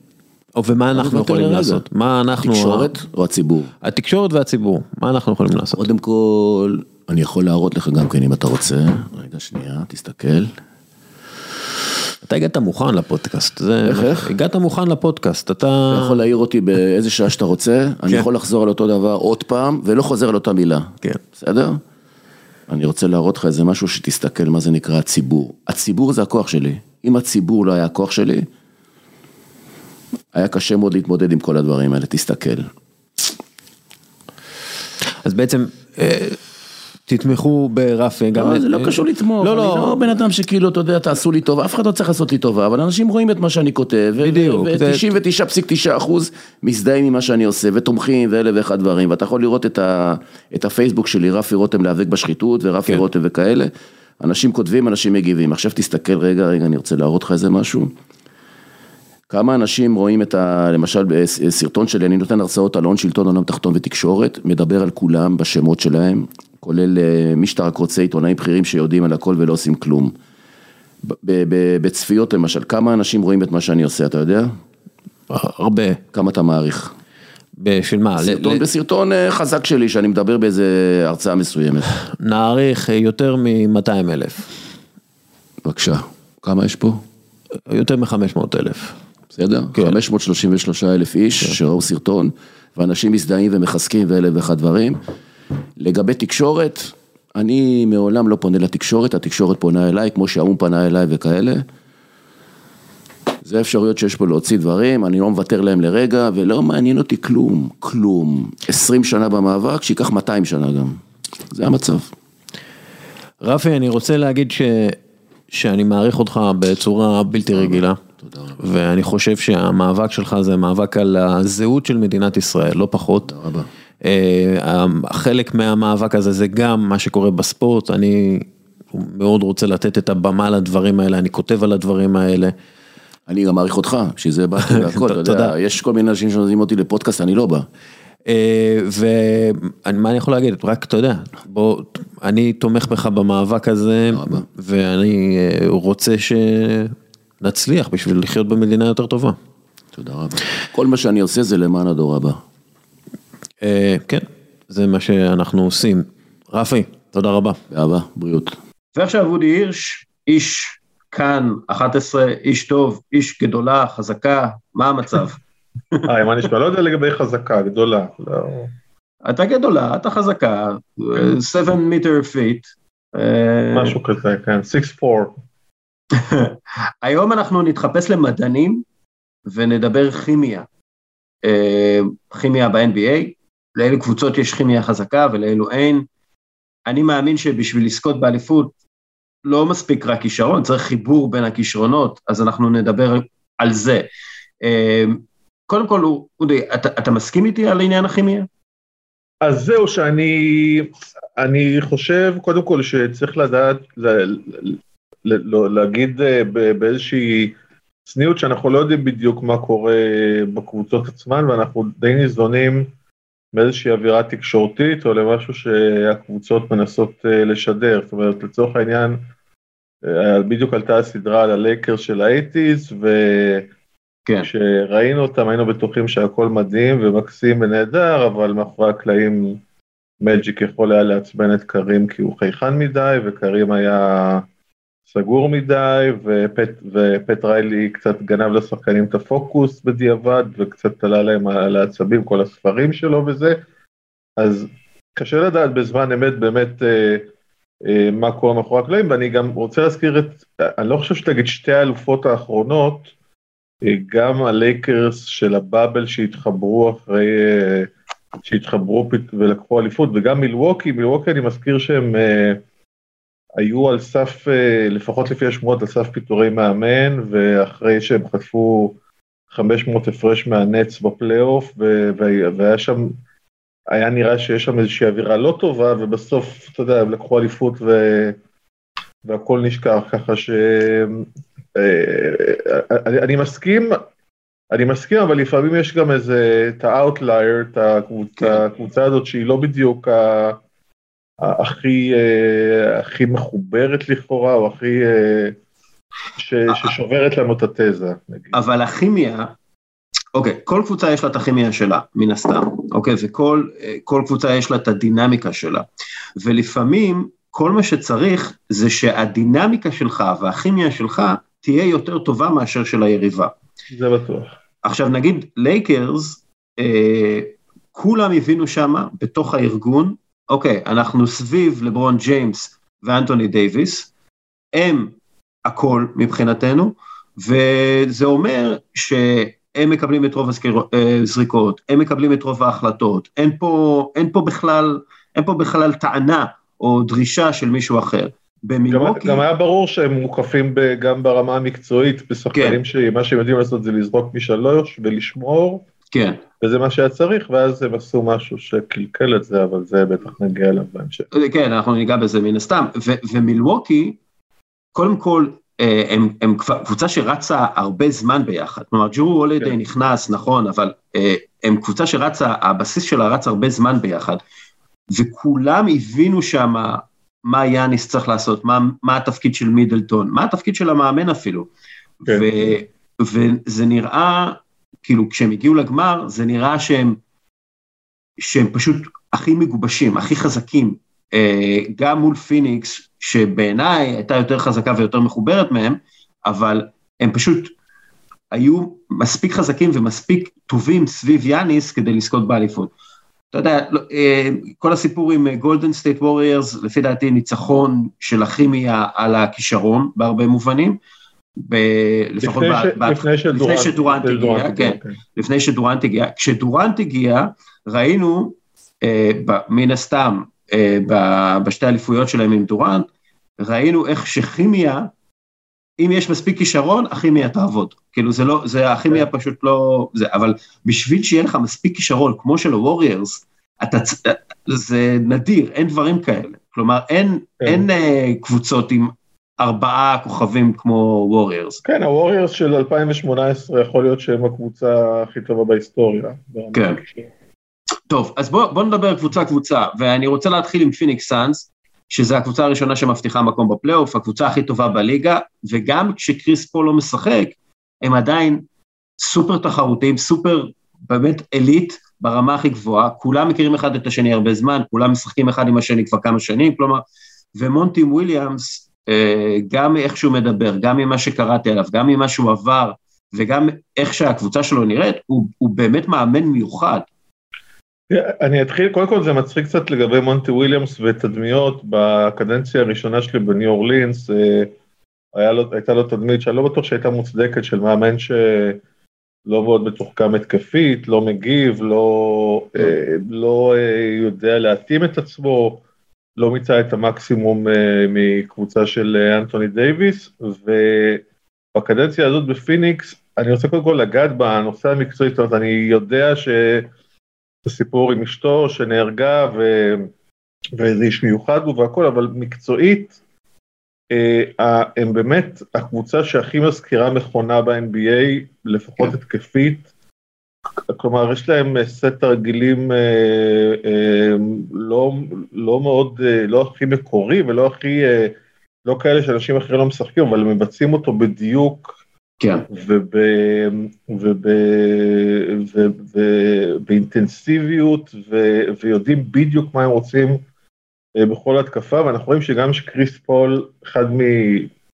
לא יודע, שלוש, שלושת, אה, ארבעת הרכזים הגדולים בהיסטוריה, לא משחק, זה עדיין נמשך, אה, ואנחנו רואים גם התפתחות של שחקנים, פתאום קאם ג'ונסון לפני שהוא נפצע, כולה 23 נקודות למשחק ברצף של, אה, אם אני לא טועה, חמישה או שישה משחקים, אה, או אפילו שמונה משחקים מאז, ש, אה, מאז שקריס פול נפצע, לפני שהוא נפצע בעצמו, ההתפתחות, ההתפתחות של דווין בוקר.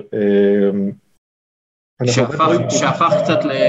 שהפך קצת לקריס פול בסגנון משחק שלו. כן, הוא, אנחנו רואים גם שחקנים שמתפתחים בתוך הסיסטם וגם בצורה, משחקים בתוך הסיסטם בצורה מאוד מדויקת ומאוד, אה, אה, ומאוד חסכונית. אנחנו רואים מאז שקריס פול נפצע, את דיאנדרה, דיאנדרה אייטון פתאום הופך למין איזה פוינט סנטר כזה עם אה, יכולת לרכז את המשחק מה top of the key ולתת handoffים, דברים שהוא עושה, שהוא עושה גם רג, רגיל, אבל הוא עושה את זה בתדירות יותר גבוהה מהרגע שקריס פול נפצע, ובאמת מה שהם עושים בהתקפה, אנחנו רואים, לא נעים לומר, יש קבוצות NBA שעושות תרגילי התקפה מסודרים ותרגילי התקפה מורכבים יחסית, בעיקר במה שנקרא ATO, ב-after timeout, ובשאר הזמן הן משחקות איזושהי, גר...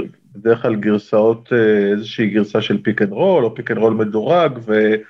ועושים דברים יחסית פחות מורכבים. ופיניקס, possession אחרי possession, משחקים תרגילים, אה, מגיעים לסט שלהם, בדרך כלל סט שנקרא horns, אה, ששני כן. שחקנים, אה, שני שחקנים על קו העונשין מהצדדים שלו ושני שחקנים בפינות, רכז באמצע, pick and roll או חסימות לקלעים, ו, באמת רמת הדיוק שם היא מאוד מאוד מרשימה, בטח בהתחשב בזה שדובר בעונת NBA עם מעט מאוד יכולת להתאמן, וגם אני חושב שמילה שתחזור, אני מניח, זה היררכיה. כשההיררכיה ברורה, הכימיה טובה, כלומר, כש, כשההיררכיה ברורה שיש לנו את קריס פול, שהכל סביבו, ודווין בוקר שזה הקלעי שקריס פול לא, לא אכפת לו שקריס פול, שדווין בוקר נקלע יותר ממנו, אה, והפורוורדים, אה, אה, ברידג'ס, ברידג'ס או, ג'ונסון. או קראודר, כן. יודעים שהם, שהם, לא, שהם יכולים לעמוד בפינה ואולי לא, לא לגעת בכדור שלוש-ארבע התקפות, אבל אז הכדור יגיע אליהם והם צריכים לזרוק שלושה, אנחנו גם רואים נגיד את מיילס ברידג'ס פתאום עלייה ב, במספר ה pick and roll ים שלו כשקריס פול, אה, כשקריס פול לא נמצא, כי כשהרכז הוא קאם פיין אז, אז, אז ברור שהוא פחות דומיננטי מקריס פול, אבל כשקריס פול יחזור אני מניח שברידג'ס אה, יחזור לשחקן של אה, חוזה של 90 מיליון דולר, יחזור לעמוד בפינה, לחכות למסירה שלו ולשמור חזק בשביל כולם, כלומר, זו קבוצה שכל אחד יודע מה הוא צריך לעשות, ו- וזה סופר משמעותי בכל הסיפור הזה של, אה, של כימיה, זה, זה בעיקר ה- היכולת לוותר, כלומר כל שחקן ב-NBA, לא כל שחקן, אבל כמעט כל שחקן יכול לעשות, לנס, לעשות סל באחוזים סבירים בפעולה של אחד על אחד, והיכולת לוותר על זה היא עדות לכימיה. כן, וגם למשל ראינו במשחק נגד מילווקי, שברידג'ס פשוט לקח על עצמו להיות סוג של playmaker, בגלל כן. שגם בוקר לא שיחק, גם זה, כאילו, הוא פשוט לקח על עצמו וראית איזה שחקן חכם הוא יכול להיות. הוא לא, לא רק שחקן ש... כן, אתה כאילו. הוא לא רק עמד בפינה, הוא היה הרבה יותר פעיל. השחקן שלקח אליפויות מכללות עם וילנובה והיה השחקן המרכזי כן. שם, והגיע ל-NBA ועשה את ההתאמות, ואגב, אחד הטריידים באמת הגרועים בהיסטוריה של פילדלפיה, ש... אנחנו נדבר על פילדלפיה, okay. כן. אה, יש לי תחושה. מילווקי בקס, תראה, כשהם רוצים לנצח, הם מנצחים. זה כאילו התחושה שלי ממשחקים שלהם העונה. יאניס, אתה יודע, הוא יכול לעשות 28 דקות של 28 נקודות, 12 ריבאונדים, 10 אסיסטים, וללכת אה, לשבת לחכות לפלייאוף. זה כאילו, זאת התחושה שלי כשאני רואה אותם. אני לא, יש להם הפסדים מוזרים תמיד, אבל אני לא יודע ממה הם נובעים. יכול להיות שזה, אתה יודע, זה... אנחנו אלופים ואין לנו, אנחנו מחכים לפלייאוף, יכול להיות שזו תחושה של, לא יודע, אני לא חושב שזה מחלת האני או איך שקוראים לזה, אני חושב שזה יותר עניין של אנחנו מווסתים את הכוחות שלנו, אנחנו לא אה, אה, מאה ממאה כל משחק, נגיע לפלייאוף מקום שלישי, רביעי, זה לא מעניין אותנו כרגע, ובפלייאוף אנחנו נעשה מה שאנחנו נעשה. זה התחושה שלי מהקבוצה הזאת, קבוצה ששוב, לא השתנתה הרבה מאז האליפות, אה, כן התמודדה עם פציעות, אבל יש לה גם, יש לה את כל הדברים כדי לעשות אה, ריצת פלייאוף משמעותית. אני חושב שקודם כל צריך לזכור שהם, אה, שהם לא, אה, שהם בלי ברוק, ברוק לופז, שהוא אמנם לא סופר דומיננטי התקפית, אבל הוא חשוב לשיטה שלהם, וגם מרווח, כן. גם מרווח את ההתקפה, גם, גם שומר בעיקר ב... בעיקר בצד, בעיקר בצד ההגנתי. אמ, אני חושב שגם ברגע שאתה לוקח אליפות, יש לך, יורד לך איזה צ'יפ from your shoulder ואתה קצת, אה, אתה קצת אה, לוקח את העונה, את העונה הרגילה in strides, מה שנקרא, ואתה צריך לסגור שזאת גם קבוצה ברמת העייפות, גם מידלטון אה, וגם ג'רו הולידיי שיחקו, בק... סיימו רצו לנבחרת ארצות הברית, סיימו הכי מאוחר שאפשר, רצו לנבחרת ארצות הברית. זו קבוצה שהעומס שלה הוא מאוד גדול, ואני מניח שגם זה חלק מהעניין, וגם אני חושב שהסגנון, באיזשהו מקום הסגנון משחק של מילווקי, וזה משהו שבודלנולזר עושה, עושה בהחלטה, אנחנו יודעים שבאטלנטה הוא שיחק כדורסל אחר לגמרי, עם uh, מאוד מורכב התקפית, הוא נותן להם המון חופש, ואני חושב שזאת שיטה שאולי לא אידיאלית לשחק בעונה הרגילה, היא לא בהכרח ממקסמת את היכולות בעונה הרגילה, אבל בפלייאוף, הוא סומך על זה שיש שם מספיק כישרון כדי שהשיטת משחק שהיא קצת casual כזאת, הם יהיו מספיק טובים כדי לנצח ארבעה משחקים מתוך שבעה, בסדרה. אמ, אז אני חושב שזה הסיבה שהם, שהם, אבל זו קבוצה שאני חושב שהיא יודעת מה היא צריכה לעשות, ויודעת כן. שזה, שיש את הדקות של יאניס, ויש את הדקות של מידלטון יעשה את הבידודים, וג'רו הולידי יעשה את הדברים שלו. אני חושב שבהקשר הזה יחסית אפשר להיות רגועים לגביהם. כן, אגב, אה, נתון מצחיק, הם מנצחים הלילה, בפעם הראשונה את ביוטה, מאז 2001. ואז ריי אלן, גלן רובינסון וסם קסל כלאו ביחד 85 נקודות, קארל מלון וג'ון סטוקטון 33, ויאניס היה בן 6. מצחיק. זה, זה הסטטיסטיקות. אה, הייתה אחלה קבוצה מלווקי, יכול להיות שאם, אה, שאם אה, ג'ורג' קאר לא היה כזה מעצבן, הם היו יכולים, לא יודע, לגנוב איזה אליפות בטעות. לא, לא, לא חושב לא אליפות, להגיע לגמר, אולי להגיע לגמר. טוב, מיאמי, מיאמי היט, אמרתי לחברנו יובל עוז, מרגישים NBA, שבעיניי זו אליפות שלהם להפסיד. ולמה? כי זו קבוצה שיש לה הכל מהכל. יש לה גם כוכב על וגם כוכבים צעירים ושחקנים מנוסים, עומק אדיר ומאמן על. בעיניי הם הקבוצה הכי מפחידה בליגה, וזה שהם הצליחו לנצח כל כך הרבה משחקים, כשחצי מהחמישייה פצועה או לא מתפקדת, זה בעיניי מראה עד כמה הם עמוקים ואיכותיים וטובים, ושוב, אני חושב שהם העונה הם הקבוצה הכי טובה בליגה, מלבד אה, אה, פיניקס. ומול פיניקס, לפי דעתי יש להם יתרון ב matchup, אבל אה, אתה יודע, אה, כשנגיע נגיע. אבל בעיניי מיאמי זה הקבוצה הכי חזקה, אולי הכי מחוברת והכי מפחידה. תראה, אני חושב שזה מצחיק להגיד על, אה, על מיאמי, כי זו הקבוצה שאחת מהחלוצות של ה... של טרנד הכוכבים יקחו לנו אליפות, אבל יש את מה שנקרא את ה-heat culture. כן. ואני חושב שמיאמי מבחינת הארגון היא הקבוצה הכי לא NBA ב-NBA, כלומר היא קבוצה שהמחויבות של השחקנים וכל מה שקשור לפיתוח שחקנים וכל מה שקשור למחויבות לעבודה פיזית וחדר כושר, ואנחנו גם רואים, שומן, כן. והמעקב אחרי השחקנים וכל הטירוף של פט ריילי, אז אנחנו רואים בקבוצ... במועדון הזה גם, אני חושב שמערכת פיתוח השחקנים בכלל אין שאלה שהיא הכי טובה בליגה. הם, הם שרדו את הפציעות בגלל uh, מקס סטרוס וגייב וינסנט ועומר יורטסבן, יורטסבן, whatever. כן. אה, ושחקנים שבאמת אף אחד לא ספר, ואנחנו, וכמובן יש לנו את דנקן רובינסון שהגיע מה system הזה וכבר הפך לשחקן, אה, לשחקן ש, שמשנה משחקים בעצם הנוכחות שלו.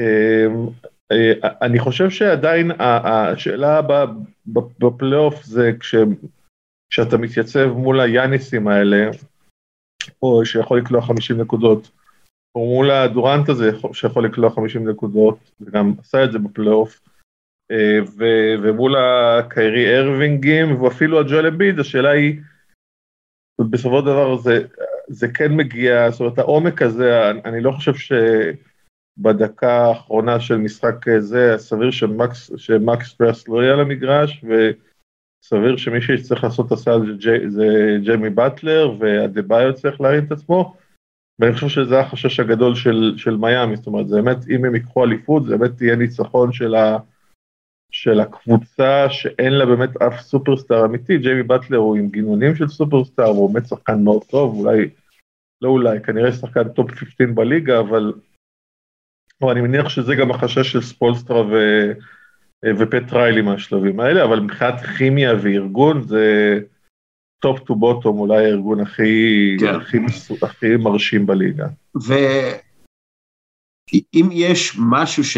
שהוא יאני סטופר, זה באם אדבאיו. נכון. Uh, ו- ואני מאמין שהדה ביו הוא באמת שחקן על. מצד שני כי... צריך, צריך לזכור שהם באמת עצרו ב- בבאבל יפה את מילווקי, ואז אה, עונה שעברה חטפו איזה טרחה, כמו שחברי האוזר כן. אוהב להגיד, אה, אה, שם ב... מול מילווקי, ואני בטוח, ש... בטוח שזה יושב להם בראש, אז, אז אז זה גם תלוי בענייני בריאות, בוא, בוא נגיד שהם צריכים להגיע לפלייאוף בריאים, ואז אני חושב כן. שיש להם סיכוי, אבל צריך גם לזכור שהמזרח השנה הוא עמוק בצורה מפחידה, שבאמת, אני לא, לא יודע אם הוא פתוח, אבל הוא באמת עמוק בצורה שלא הייתה שם שנים. כן, כן. אה, נחזור למערב, גולדן סטייט ווריורס. אה, קודם כל, דריימונד גרין, סטף קרי וקליי תומפסון עכשיו ישחקו, יש- בימים הקרובים, אחרי, לא יודע, כמה, אלף ומשהו אה, ימים שהם לא שיחקו בו, בהם ביחד. הם, הם בעצם הגרעין של הקבוצה עם המאזן הכי טוב בהיסטוריה, אה, כן, הם זקנים, טיפה פגומים, נגיד, אבל בפלייאוף, אם יצליחו לשמור על הבריאות, זו קבוצה עם הכי הרבה ניסיון, הכימיה הכי מוכחת, אה, וגם לא מעט כישרון, מן הסתם. אה, הם התחילו את העונה טוב, ואז, ואגב, יש סביבם כמה חבר'ה צעירים שדים, באמת, ממש ממש טובים. הם התחילו את העונה מצוין, דעכו באמצע הרבה בגלל הפציעה של דריימונד גרין, אבל עכשיו נראה לי שכל ה mind שלהם הוא בקטע של בואו נתרגל חזרה אחד לשני, ניכנס לפלייאוף, בריאים, טריים יחסית, ונרוץ כמו פעם. ו- ו- וזה יכול מאוד להפחיד את שאר הקבוצות. אמ, קודם כל, אני חושב שהסיפור פה הוא בעיקר, אה, הוא בעיקר דריימונד גרין. דריימונד גרין לא יהיה MVP, לא העונה ולא בגלגול הזה, אבל הערך שלו והחשיבות שלו לגולדן סטייט הוכחה הכי טוב כשהוא פשוט ישב בחוץ. וזה מצחיק להגיד את זה על שחקן של 7.9 נקודות למשחק או משהו כזה, אבל דריימונד גרין הוא הרכז האמיתי של גולדן סטייט, הוא כן. ה anchor ההגנתי שלה, הוא האיש שחוסם הכי טוב אה, לקרי, אה, לקרי, וטומ, אה, לקרי וטומפסון, הוא מוביל כדור במגרש הפתוח, אה, הוא חכם, ו, ו, וזה באמת יכולת של שחקן שהוא באמת שחקן שאתה יודע, הוא בטח יהיה דיונים, אה, יהיה דיונים בשלב מסוים, הוא אה, מתאים ל Hall of Fame, לא מתאים ל Hall of Fame, אה, מה, אתה תכניס ל Hall of Fame שחקן שעם ממוצע קריירה של איזה עשר נקודות למשחק, אבל זה באמת שחקן שמחבר קבוצה ברמת הקלישאה, אבל אתה רואה כשהוא לא משחק זה נכון, אני חושב שזה גם השפיע, אה, קרי התחיל את העונה בצורה מטורללת וקצת קצת נרגע, אבל אתה רואה גם את ההשפעה שלו על, אה, על, על אה, סטף קרי וכמה פחות עומס יש על סטף קרי כשהוא משחק ואיך הוא גורם לו לזרוק זריקות יותר טובות. אז פה ברור שהכימיה שם גם בין המאמן, מאמן שכבר אה, עונה שביעית אם אני לא טועה, ו, ובין השחקנים ומאמן שמכיר אותם ונותן להם חופש אבל אה, משחק איתם באיזושהי מסגרת קבוצתית ששונה משאר הליגה ברמת אה, הרבה יותר חסימות, הרבה פחות pick and roll, יותר מסירות. ובוא נגיד שאליפות של גולדן סטייט תהיה הסיפור הכי רומנטי ב... אה, יכול להיות הסיפור הכי רומנטי בעונה הזאת, אה, אה, אבל, אבל פה באמת יש, זה באמת מצחיק כמה דריימונד גרין אחראי, שהוא טיפוס והוא לא קל והכל, אבל כמה הוא אחראי לכימיה בדבר, בדבר המורכב הזה. וגם אני חושב שכשאתה מסתכל על ה... גולדן סטייט זה הקבוצה עם הכי הרבה שחקנים שיכולים לקלוע לך 30 נקודות במשחק פתאום ככה סתם. כן, אפילו גם ג'ורדן, אפילו ג'ורדן פול, כן. שבתקופה טובה דווקא אחרי שטומסון חזר. או אפילו קמינגה הצעיר. פתאום, אתה יודע, פתאום אתה מסתכל, מה, רגע, 30 נקודות, איך זה, מה... אה, ו, וזה גם כן אומר משהו, כי בפלייאוף הרבה פעמים אתה תצטרך את השחקן הרביעי הזה, שייתן לך משחק מופלא והיסטורי, כן. וכאילו לגולדן סטייט יש את השחקנים האלה, גם למיאמי דרך אגב, אבל גולדן סטייט יש להם באמת שחקנים כישרוניים, אפילו מוזס מודי פתאום קולע 27 נקודות, אתה, אתה לא מבין מאיפה זה מגיע, כן. אבל בתוך, המע... בתוך המערכת הזאת, יש לכל שחקן את היכולת לשנות משחק בעצמו, ו... וזה skill uh, underrated לקבוצה, ואני חושב שבגלל זה הם, הם יהיו מאוד חזקים בפלייאוף. Uh, נראה מה יקרה, אני מאוד רוצה לראות פיניקס גולדן סטייט בגמר, וג- וגם צריך כן, בגמר לומר, מערב, אבל זה כאילו, יכול להיות. מדברים על כימיה, אבל בואו צריך לומר שהמערב, אה, אה, הפציעות שם זה באמת משהו סופר משמעותי, הקליפרס די יצאו מהמרוץ בגלל הפציעות, כן. הלייקרס, בוא נגיד שם מספיק בעיות חוץ מהפציעות, אבל אה, אנטוני, זה שאנטוני, גם בגלל הפציעות יש להם. יש להם עונה פחות טובה, וה field יחסית פתוח לגולדן סטייט ולפיניקס אה, אה, להגיע לגמר הקלאסי, לפחות גמר המערב כמובן. בוא, בוא, בוא נדבר על קבוצה שיכולה להפריע לזה, וזה ממפיס. כי ממפיס, אם מדברים על כימיה, אז זה כימיה שפשוט רואים מבעד למסך. זה, הם, הם קבוצה, קודם כל באופי של ג'ה מורנט, כולם בתחושה, זה, זה מרגיש לי שהם חבר'ה, חבורה של חברים, שרוצים לכסח אותך, לה- להרוג אותך, והם עושים את זה עם חיוך, והם עושים את זה עם טרשטוק, וג'ה מורנט מן הסתם כישרון על, דזמונד ביין הוא שחקן, עונה שנייה, נכון? כן, פשוט, פשוט משחק כמו וטרן של עשר שנים, אה, לא מקבל החלטות רעות, קולע מצוין, עושה הגנה מצוין. אה, ג'רן ג'קסון הוא אה, יצור קצת מוזר נראה לי מבחינה אישיותית, אבל גם כן אה, נותן נפח בצבע, חסימות, שלשות, משהו אולי, בוא נגיד שאם אה, הוא היה קצת יותר מתוקשר, אין סיבה שהוא לא יהיה שחקן ההגנה של העונה, אבל כנראה לא יקרה, כן. אבל מגיע לו. וסטיבן אדמס, אה, קודם כל מוסר מדהים, אה, סנטר מדהים, אה, אישיות ענקית, אדם ענקי. נראה לי שיש להם, כשאתה מסתכל על, ה, על, ה, על ההרכב ואיך הוא בנוי, זה קבוצה מאוזנת בצורה בלתי רגילה, היררכיה מאוד ברורה, ויש להם גם כן עומק, קצת כמו מיאמי, פתאום אה, קייל אנדרסון כזה יכול לתת לך משחק משנה בסדרה. זו קבוצה שבאמת, אם הווריירס או הפיניקס לא יגיעו לגמר המערב, זה בגללה כאן. אני, קודם כל, אני חושב שזה השוואה, שוב, שאני לא ממציא אותה, שמעתי אותה בכמה מקומות, אבל היא מאוד הגיונית, שהם מאוד מזכירים את גולדן סטייט של, אה, של שנה 2015, לפני, של כן. שנה, לא, אולי לא של 2015, אולי של השנה, שנתיים לפני שהם, שהם זכו. אתה, אתה רואה שג'ה הוא בתפקיד, אה, נקרא שהוא הוא בתפקיד סטף קרי, הכוכב הזה שהכל סובב סביב, כמובן שחקן אה, שונה מסטף קרי, אני מתכוון ברמת הרעיון, דזמונד ביין זה הקליי תומפסון, אה, בחירה לא הכי גבוהה בדראפט שהוא קלעי וסקורר,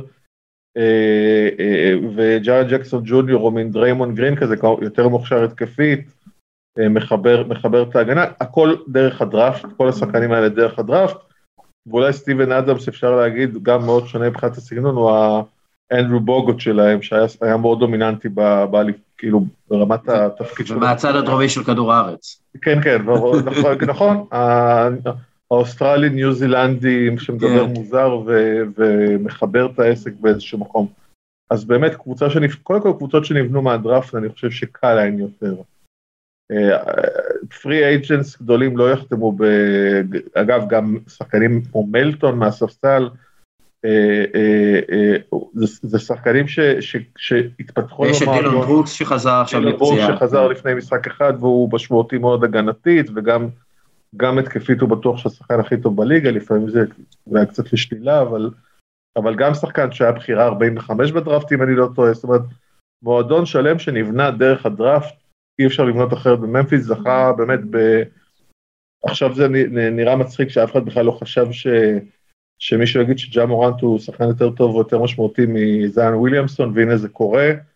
אה, ו- ובאמת ברמת החיבור, הביאו מאמן אלמוני לחלוטין ש- שעושה עבודה מצוינת, טיילור ג'נקינס, ברמת החיבור, באמת נראים קבוצה שכיף לה, שרצה, שהיא באמת עם ביטחון עצום, ואולי אולי לא השנה, אבל זו קבוצה שתתחיל את העונה הבאה כמועמדת אה, מועמדת אה, חזקה לאליפות.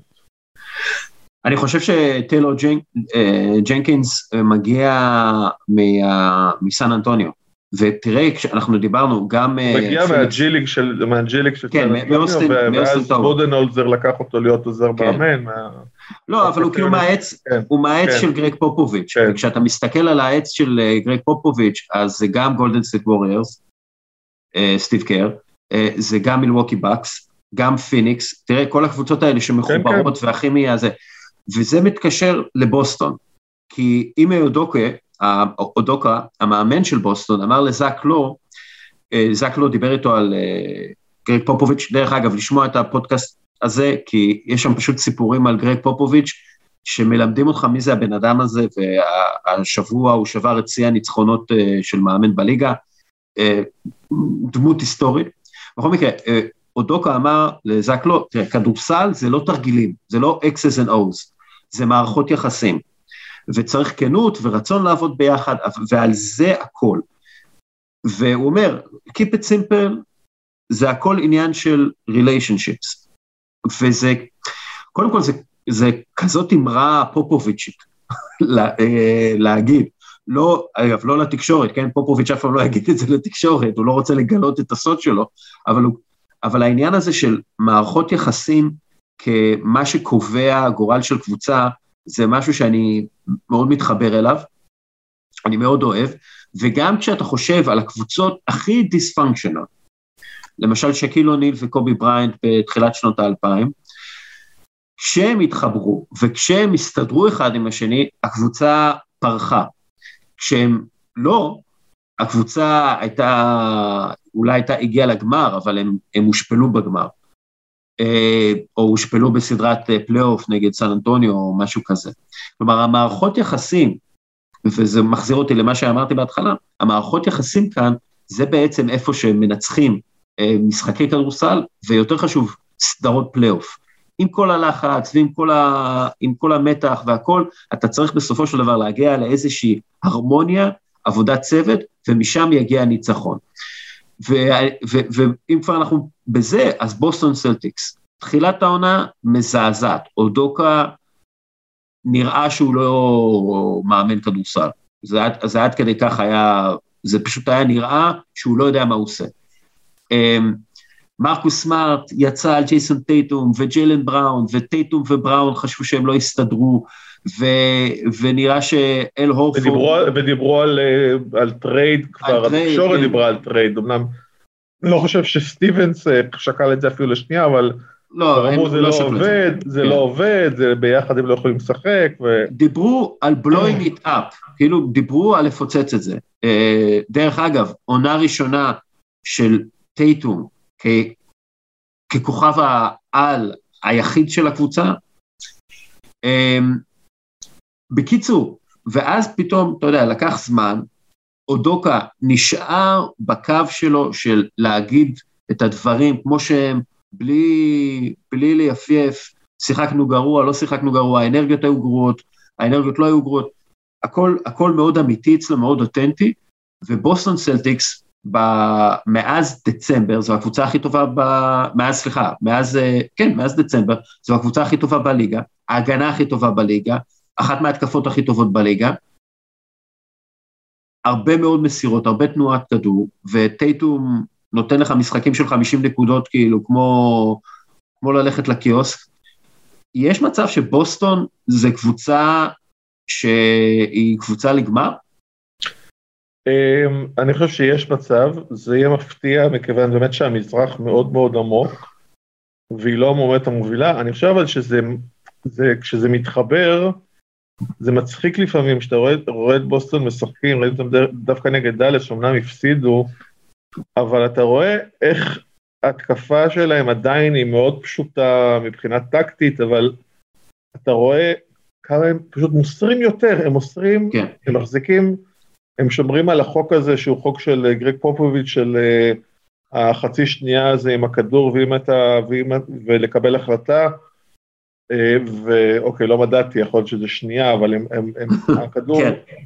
כדור, אה, הכדור נמצא מעט בידן, הגנתית, על הורפורד, שחקן שכבר היה גמור, אה, עושה סוויצ'ים על כל דבר, שומר מדהים, אינטנסיביות הגנתית שהיא באמת, אה, היא, היא באמת יוצאת דופן בליגה הזאת, בעונה של 82, 82 משחקים, אה, עושים סוויצ'ים על כל דבר, מאוד קשה לעשות עליהם סל, רוברט וויליאם שם מאחורה אה, מעיף כל דבר שזז, אני חושב ש... מרקוס, מרקוס סמארט שלא הזכרנו שהוא... מרקוס סמארט כן. תמיד, מרקוס סמארט כן. גם שהקבוצה, הוא יכול להיות לא קל בחדר הלבשה, אבל האיש הוא באמת, הוא, הוא אליל הגנתי תמיד.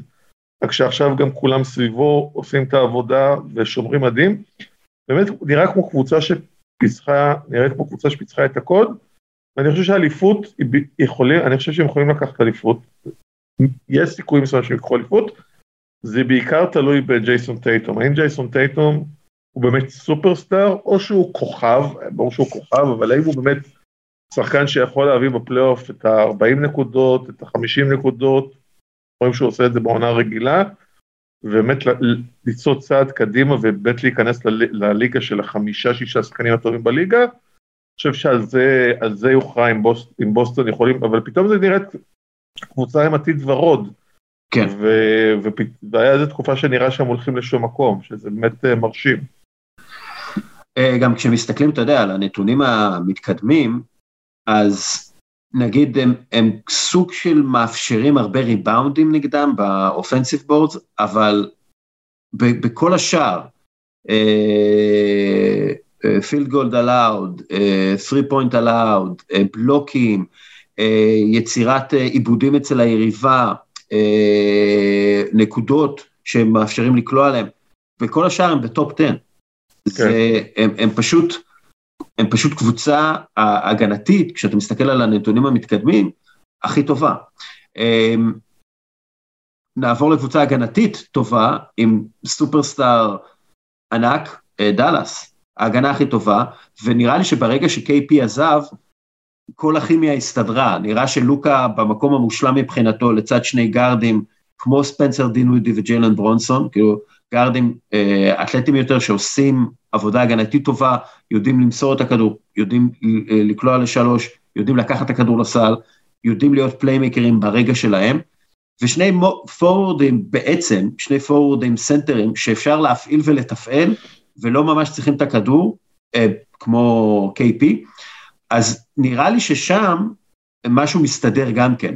בדומה לבוסטון, הם התחילו את העונה מאוד חלש, והם עכשיו אחת מהקבוצות הכי טובות בליגה. בוא, אני חושב שמילת המפתח היא היררכיה, וזה קצת מצחיק שג'ייסון קיד, אה, ג'ייסון קיד הגיע, אה, הגיע בקיץ והיה לו כל מיני יומרות, אה, הוא אמר, אנחנו נשחק שונה מקרלייל, אנחנו, אנחנו לא, זה לא יהיה רק לוקה, אנחנו נעשה קצת פוסט, נעשה גם post-up לפורזינגיס, אנחנו, כל מיני הצהרות, ואנחנו רואים שהם, ואנחנו רואים גם, גם מועדון אגב, כימיה, להבדיל ממיאמי, מועדון שנראה מרוסק לגמרי עם העזיבה של דוני נלסון וכל הפרשה של הרלבוס וולגריס, היועץ ההימורים, סטטיסטיקות שלהם, שהסתכסך עם לוקה ו... והסתכסך שם מאחורי הקלעים, וקרלייל עזב וג'ייסון קיד שהגיע עם המון סימני שאלה. אז מילת המפתח היא היררכיה, הם הזיזו את פורזינגיס, אמרו, אנחנו עכשיו רוצים אנחנו רוצים שיהיה לוקה, כמה שהיה לוקה עד עכשיו, שיהיה עוד יותר לוקה, אנחנו מעלים את ההימור. הוא שחקן טוב, הוא שחקן טוב. הוא שחקן לא רע, כן. כן. מרווחים סביבו, ג'יילן ברנסון, גם מפנים כסף לג'יילן ברנסון שיצטרך לקבל חבילה, אה, עוד שחקן, הבחירות, אגב, דזמונד ביין, 30 בדראפט, ג'יילן ברנסון, 30 בדראפט, כנראה כן. שהרבה פעמים השחקנים האלה, שני שחקנים שגם נראים דומה פיזית, קצת גוצים כאלה, קצת אה, לא מתאימים אה, למודל שאמור להצליח בליגה, ושחקנים שפשוט שחקני כדורסל טובים, חכמים, כן. אינטנסיביים, עם מלא ביטחון, אז, אז פשוט יש עכשיו את לוקה, ויש את דין ווידי שעוזר קצת בהובלת הכדור, ויש את ברנסון שעוזר בהובלת הכדור, ויש המון ריווח והמון קלעי שלשות, ולמרות שהרדווי פצוע, אה, אה, זה נראה שזה, שזה כמעט לא משנה. ושוב השאלה פה, אתה יודע, בסופו של דבר, מה שמפחיד בקבוצה כזאת זה שבסופו של דבר היא כן, יש משהו שקוף בקבוצה כזאת בפלייאוף, וברור שכולם התנפלו על לוקה, והשאלה אז הכדור יגיע ל... ל- לפיני כמו- סמית, לפיני סמית לשלושה, והאם הוא יקלע את השלושה הזאת, אז, אז אז, זה אז, זה יקום ויפול. אז למשל נגד בוסטון, כולם התנפלו על לוקה, כן. שוב, קבוצה הגנתית הכי טובה בליגה כרגע, כולם התנפלו על לוקה, והוא פשוט מצא את ספנסר דינדווידי, או מצא את ברונסון. אין, אה, אין לי ספק שהוא ימצא, רק צריך, כן. הכדור צריך להיכנס לטומט, זה, כן, הוא אבל ימצא. אה, הוא, בוא נגיד, הוא נותן לספנסר דינדווידי שנייה על, ה, על השלוש לבד, ו, וזה משמעותי, אה, כי זה לוקה, ואם אם לא, הוא סופג את הפאול, דרך אגב, הוא, הוא השתפר מאוד ב, מ, מה, מהקו העונשין. אה, לוקה מה הוא... שכן, מה שכן, גם צריך לומר, כימיה זה נחמד, והיררכיה זה נחמד, אבל לוקה עדיין הגנתית הוא די, אה, הוא די בעייתי, ואנחנו ראינו במשחק הזה נגד בוסטון שהוא התחיל, בגלל כל מיני שיקולי מצ'אפ נגד, אה, הוא התחיל עלה על הורפורד, פשוט הורפורד לקח אותו לסל בפוזיישנים הראשונים פעם אחר פעם, כן. עם הגב לסל ועשה עליו סלים, ב- בפלייאוף יהיו שחקנים יותר, אה, הוא עלול לשמור על שחקנים יותר בעייתיים מעל אורפורד אה, התקפית, וזה גם משהו שהם צריכים לפתור איכשהו. אה, לפי דעתי זה יהיה תלוי יותר באיך הקבוצה היריבה תפתור את לוקה. ואני לא חושב גם, ש... זה אני- לא, לא, זה אין כן. ספק. כן, ואני לא חושב שזה, אגב, אני לא חושב שזה אפשרי. אה, אנחנו נדבר על דנבר עוד מעט ואיך פותרים את הדבר הזה שנקרא יוקיץ', אבל לוקה ויוקיץ' בעיניי זה בערך אותו סגנון של אה, כדורסל. אה, הכל סביבו, הם ה... אתה יודע, אני תמיד אומר ש, שיוקיץ' הוא החיים, כי הוא השמש, וכל כוכבי הלכת סביבו. אה, אבל אה, עוד מעט נגיע לדנבר. אה, אני- מילה על טורונטו, כי היא קבוצה מאוד מעניינת. כולם 2-3, 2-5, כולם, אה, וכולם פסקל אה, סיאקם פחות או יותר, רק פרד ון וליט הוא מטר שמונים וקרמבו, והם רצים, לא, הם לא, הוא מגניבים, אין לו מטר שמונים, בוא, הוא מטר שבעים ושבע. הוא הוא מטר שבעים וקרמבו, אה, הם- הם- הם רצים, הם מגניבים, מאוד מאוד גמישים, מלא פוזישנים, תמיד, זה זה נראה לי סיוט לשחק נגדם, כי הם הם כל כך דינמיים וזה, אה, ולא יודע, תשמע, מבחינה כימית, אה, מבחינה כימית, אה, אני חושב שהם מסודרים, מבחינת כישרון, אני לא בטוח שיש להם את, את, ה, את המספיק כישרון כדי באמת לנצח ולהיות משמעותיים, אבל אני לא חושב שיש מישהו שרוצה לשחק נגדם בפלייאוף. זה... כן, קודם כל, הם עוד לא בפלייאוף, זאת אומרת, כן, כרגע ב play, ב play-in, כן, קליבלנד גם זה איזשהו מאבק בין שני המועמדים לרוקי העונה, קליבלנד באיזושהי הידרדרות, גם עם הפציעה של, אה, של. אה, ג'ארט אלן ו- וקצת אה, קצת בירידה, הם עכשיו ניצחו את, אה, אה, ניצחו את הקליפרס, אז אה, יש בין, אה, יש את המאבק הזה בין, אה, בין אה, מובלי לבין, אה, אה, אוקיי, רגע, לבין, אה, לבין, נו, לבין מי? תעזור, לי, לבין סקוטי בארנס, כן, קיבלתי סקוטי שבץ. בארנס, כן, כן. לבין סקוטי בארנס על? רוקי העונה. מה? אתה מריח תפוז? אמ, ואני חושב שטורונטו היא קבוצה ש- שבונה משהו לעתיד ומשהו טוב לעתיד, אני חושב שזאת, לא חושב שזאת העונה, זאת העונה שלהם, קבוצה שבנויה מאוד לא קונבנציונלית, קבוצה שכיף כיף לראות, אבל, כן, וגם קבוצה עם, אה, שהחתימה general manager עד שנת 2500 פחות או יותר, כן. ואת אוג'ירי ובונה סביבו את העסק. כן, אה, החלטה טובה בעיניי. אה, ואגב, אמרת קליבלנד, אז אוון מובלי, אה, rookie נפלא, מאוד מזכיר, sorry שאני, חילול השם, מאוד מזכיר לי את טים דנקן, אבל בק- כאילו, גם בקטע אנושי, הוא נראה לי מדהים בקטע הזה. דריוס גרלנד מאוד מיוחד, הוא רכז באמת, באמת מיוחד, אה, רכז אה, אמיתי. אה, וזה נראה טוב לפרקים. אגב, חימי, אתה רואה שקבוצה שהוציאו לה את קולין סקסטון, שהיה בעונה שעברה שחקן של 24 נקודות למשחק, ואתה רואה... ב- בשני אחוז בערך. מה? בשני אחוז מהשדה בערך. כן, ה- אז אתה רואה קבוצה שלא, נ- שפעם, אתה יודע, פעם לפני 25 שנה, לא... לפני שנכנסו הסטטיסטיקות המתקודמות, אז היו בונים סביבו את כל העסק, אבל כבר בקיץ היה מועמד אה, לטרייד, ואנחנו רואים שמוציאים אותו, והקבוצה רק משתפרת, עם כל כן. הגבוהים שלהם, ועם כל הפקק באמצע, ועם, אה, כל הירידות על ה general manager שלהם, פתאום רואים שעשו שם משהו נכון. בנו קבוצה הגנתית אה, סביב, סביב. גרלנד. ספגו את, הפציעה של ריקי רוביו שהיה טוב מאוד בתחילת העונה, כלומר באמת קבוצה ש... קבוצה ש... שנראית, שנראית טוב ונראית שעושה דבר, אה, כאילו קבוצה שיכולה פתאום להיות בעוד כן. שנה, שנתיים, שלוש, קבוצה משמעותית במזרח, גם בזכות איזושהי כימיה שנבנתה שם. כן, יאללה, בואו נתחיל להתקדם. אה, דיברנו על דנבר, מעניין אותי לראות איך באמת אה, השתלבו מחדש מייקל פורטר ג'וניור וג'מאל מארי, כי כרגע זה יוקיץ' ו- וכוכבי הלכת.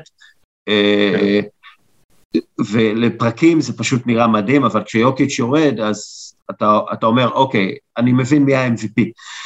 כי לא, לא, כשיוקיץ' לא הוא על לא יהיה- המגרש, אם הוא זה- לא יהיה MVP זה- זה זה תהיה חרפה, באמת. כן, כל הכבוד כן. לג'ואל אמביד וזהו, צריך לתת. אה, ראית את המסירה שלו היום בלילה? האמת שלא, ראיתי אותו מוביל אה, כדור זה- מתפרצת, אבל זה פשוט לא, זה לא ייאמן, זה לא ייאמן, זה באמת, זה מג'יק ג'ונסון בגוף של, של ג'לוב קוזק, כן, אה, אחוזי שומן אה, יתרים, כן. כן. אה, ברוקלין, קודם כל, אתה יודע, קווין טורנט זה באמת כל מה שצריך כדי לנצח משחק ב-NBA, כל משחק, אם זה עונה רגילה או פלייאוף, שים את קווין דוראנט בקבוצה שלך, יש לך סיכוי לנצח. תוסיף את קיירי ארווינג, ובאמת, בכל יום נתון, pardon the pun, אה, ברוקלין הזאת יכולה לנצח כל קבוצה בהיסטוריה. אבל אני לא יודע אם זה מספיק לנצח סדרת פלייאוף. כאילו, העומס על דוראנט, העומס על קיירי, הסגל ש... לא, לא, אין עומס על קיירי, הוא נח כל הזמן. לא, לא. לא, בפלייאוף, בפלייאוף, לא, לא, בפלייאוף אה, יש עליו עומס, כי הוא שחקן שקודם כל נכנס הרבה, סופג לא, הוא הרבה. גם מועד, הוא גם מועד לפציעות. הוא מועד לפציעות, ובגלל זה הוא נפצע כל הזמן. הקפיצות האלה, הוא לא שחקן בריא. והסגל סביב לא באמת מרשים. רגע. סימונס, אתה שוכח את סימונס, אמנם הוא לא שיחק כדורסל שנה, אמנם הפעם האחרונה שהיה בפלייאוף זה היה חרפה, אבל סימונס, אה, אוקיי, אה, דקה אחרונה למשחק פלייאוף צמוד, אתה מוסר את הכדור לסימונס? לא. אבל זהו, זה בדיוק, אבל זה בדיוק העניין, זה, מצ- זה קצת מצחיק כל הסיפור הזה שהוא נעלב. זה אחד הדברים, בקושי מדברים על זה, הרי כל הסיפור שלו הוא באמת, הוא סיפור מגוחך של אגו ובאמת, אה, ו... אבל, יש לו בעיות הרי- גב, יש לו בעיות לא, גב. לא, לא, יש- יש לו בעיות, יש לו בעיות נפש גם, אבל הוא נעלב, ש- מה הסיפור? הוא נעלב שדוק ריברס אמ- אמר שהוא לא, בתשובה לשאלה, שהוא לא בטוח שהוא יכול לקחת קבוצה לאליפות כרכז. ומה הולך לקרות, מה, מה הולך לקרות בברוקלין? רכז יש כמובן, דורנט יש, והוא אמור לעשות בדיוק מה שקרה, מה שפילדלפיה עשתה איתו בפלייאוף, הוא אמור להיות, לעבור לעמדה מספר 5 או 4 וחצי, ואולי פעם ב- להוביל כדור מתפרצת, הוא אמור להיות הדריימונד גרין שלהם במקרה הטוב, ו- ולחסום ולהסתובב ולחכות בלו- ב- ב dunker spot ולחכות שימסרו לו ל dunk, ואז לקוות שהוא לא ינסה למסור במקום לתת dunk, כמו שהוא עשה שנה שעברה אה, נגד אטלנטה. כלומר, אה, למרבה האירוניה, הוא הולך לקבל בדיוק את אותו תפקיד שהוא לא רוצה לקבל בפילדלפיה. אבל אה, בוא נגיד שאם הם בריאים, אני חושב שהם בכל, אני מצטער, אני יודע שזה לא תואם את ערכי הכדורסל שלנו, ואם יבטלו בניו יורק את ה-vaccine mandates, אני חושב שהם מועמדים להגיע לגמר. אני בוחר אותם מהמזרח, אם הם בריאים, שזה אלוהים יודע אם זה יקרה. ושוב, אם מבטלים בניו יורק את אה, חובת ה... אה, ואם הם לא נגד טורונטו, שגם בטורונטו אסור לשחק לא מחוסנים. בקיצור, יש הרבה אם, אה, יש הרבה אם בעניין הזה. כן, אה, יותר מדי אימים בעיניי, כן, כן. ואתה יודע, דיברו על זה שהם בונים קבוצה, הם בנו קבוצה טובה, זה, וזה לא נראה באמת, אתה יודע, זה לא, זה לא סגל מרשים באמת. כלומר, יש כן, אבל טורנט, עכשיו אתה רואה פתאום שהם, אה, אתה יודע, הם באים ונותנים 800 הפרש בראש ל- לפיל, יש תחושה שהם צריכים ללחוץ, לשים רגל על הגז, ואז דברים יסתדרו, או שדורנט יקלע 700 נקודות ש... בדיוק, צריך שדורנט יקלע 700 נקודות. אה, ראינו אותם מתקשים נגד הניקס, שלא ניכנס אליהם בגלל שאנחנו מדברים על כדורסל, ואתה יודע, הם מתקשים מול הניקס. אוקיי, אז סבבה, מדי פעם דורנט וקיירי לא יכולים להחטיא, כי, כי הם השחקנים האלה, אבל שוב, אני, אני לא יודע אם הם יכולים לעבור פלייאוף מול מיאמי, מול מילווקי, מול אפילו בוסטון. אני לא יודע אם הם יכולים לעשות את זה. אמ, שוב, אתה יודע, עם דורנט הכל אפשרי, אבל אני לא בונה על אה, אליפות שלהם, ואני לא חושב שהם בנויים לאליפות, אבל uh, time will tell. לייקרס, נדבר קצת על זה. איך לברון ג'יימס, שהוא באמת שחקן כל כך חכם, בנה קבוצה, קבוצה כל כך מחורבנת. זה כאילו ממש, אתה יודע, הוא כאילו, זה כאילו לייצר פיצה מחול ולגו. אני לא, כאילו, אני לא, ההרכב האנושי שם, ההרכב המקצועי, ראסל ווסטבורג ב-2022, 22 אחוז מהשלוש. מאז האולסטאר, אתה יודע כמה אחוזים מהשלוש? יש לי גבינות במקרר שהם, אה, אני מניח. תשע, תשעה אחוז מהשלוש, מאז האולסטאר. זה ברמת סבוטאז', זה כאילו ברמת אני רוצה להפסיק. אני לא חושב, אני באמת לא חושב שזה סבוטאז', אני חושב שזה, אני חושב קודם כל שפרנק ווגל, אוקיי, עזוב שהוא לא ימשיך שם בעונה הבאה, אני חושב שהוא פוגע בעתיד המקצועי שלו, באיזשהו... עזוב לא מוריד אותו לספסל, לא מוריד את הדקות שלו במקום 35, ראיתי שהלילה הוא שוב קיבל 35 דקות ל-25, או אפילו ל-20, וגם אם הוא קצת ייעלב, וגם אה, אם הוא קצת... אה, אגב, שמעתי משהו מאוד מצחיק, אה, פודקאסט, שמעתי את בן גוליבר, אומר בפודקאסט שהמהלך של ווסטבוק שהוא קרא לאוהדים להפסיק אה, לקרוא לו ווסט, ווסט בריק. ווסט בריק, כן. שהוא המהלך הכי, אחד המהלכים הכי מטומטמים שהיו, כי עכשיו כל אוהד שבכלל לא ידע על הדבר הזה יגיד, אוקיי, ככה אני קורא לך עכשיו, ופשוט הוא רק הפיץ את הבשורה בצורה, עכשיו, רואים שלברון, דיברנו כימיה, לברון יש לו את העניין הזה של הפאסיב אגרסיב. הוא, אה, הוא קודם כל, הוא לא יצא, הוא לא נתן לו גיבוי כשהוא התלונן על האוהדים, אלא הוא אמר אוהדים שלנו, ואמר איזה אוהדים נפלאים יש לנו, אלא כאילו נתן גיבוי לאוהדים. על המגרש רואים שלברון, לברון שהוא עצבני, הוא מפסיק לשמור, יש לו פשוט פוזיישנים איומים של הגנתיים שפשוט לא אכפת לו. ואתה רואה שמבחינתו כבר קיבע את העונה הזאת, זאת אומרת, זה באמת, אה, זה באמת חרפה, וזה מדהים שרק, עזוב את כל השחקנים שהם נתנו ב trade ואת כל ה... לוושינגטון, רק תשים שם במקום את ווסטברוק את קרוסו, ויש לך, וגם עם כל הפציעות והכל, יש לך קבוצה יותר טובה. כבר יש לך קבוצה יותר טובה, משמעותית. כן. זה פשוט, ההתנהלות שם היא באמת, הייתי אומר שצריך להעיף את פלינק, פלינקה, אבל זה לא פלינקה, זה לברון, אז אני לא, באמת לא יודע אם צריך להעיף כבר, אז... אה. ואתה יודע מה, זה נראה לי גם באיזשהו מקום שלברון, לברון כאילו לא, אכפת לו מהסטטיסטיקות האישיות, לשבור כאילו את השיא של, של, של קרים אבדול ג'אבר. זה, זה נראה לי כרגע... אגב, הוא, הוא, אני לא יודע אם זה החזיק אחרי הלילה, הוא מלך הסלים כרגע, זאת אומרת, הוא כן, כן. הקלעי המוביל בליגה, שזה מדהים. ונראה לי, ש, שנראה לי שזאת המטרה שלו כרגע. לא, לא נראה לי שמשהו אחר כרגע זה המטרה שלו. אה, ואתה רואה, אתה רואה, הקבוצה באמת, הפסדים מביכים, הפסדים מביכים, אבל הוא קולע... לא יודע, 28 נקודות, 32 נקודות, 50 נקודות, הם, יש, אנחנו רואים, יש אנחנו נתון... רואים אגב גם את השיתוק הזה של לא החליפו מאמן, קצת מכבי תל אביב כדורסל, לא החליפו מאמן, כן. מכבי החליפו מאמן, אבל אתה יודע, זה בשלב הכזה של ממש שזה כזה מביש, שאתה כבר, אתה אמור כאילו לפטר את המאמן ולתת לאחד העוזרים שלו להיות אינטרים עד סוף העונה, כי באמת נראה, באמת המצב שם הוא מביך. לא החליפו מאמן, לא עשו כלום ב trade deadline, פשוט לא עושים כלום, פשוט שיתוק מוחלט. אתה יודע, יש מצב שגם כמו שיוסטון אה, עשו עם כרמלו אנטוני לפני כמה שנים, כשאתה ניגש לשחקן, אומר לו, תשמע, זה לא מצליח. אתה צריך, או כמו שיוסטון עושים עם ג'ון וול העונה, שזה משיקולים אחרים. כן. אה, אדוני, שב בצד.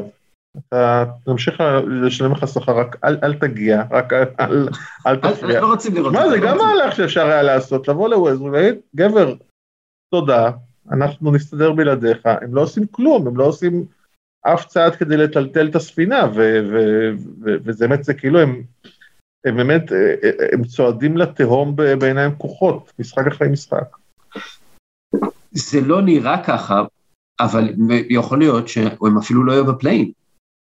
אם, כאילו זה, זה ברמה הזאת, ואתה יודע, אתה חושב שזה, יש להם את לברון ג'יימס וראסל ווסטברוק, כן, זה, זה זה די מדהים.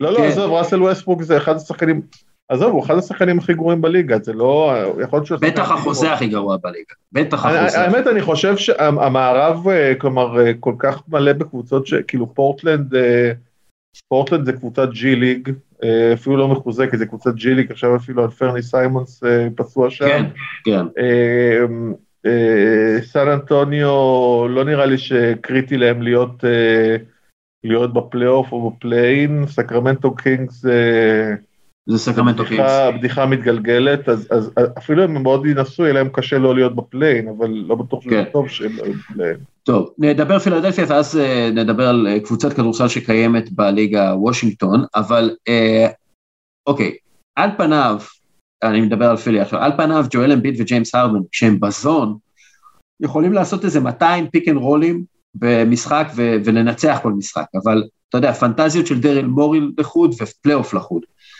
אה, אתה חושב שיש להם את זה? כי אה, אני לא סומך על הגוף של אמביט ולא סומך על הרדן בפלייאוף.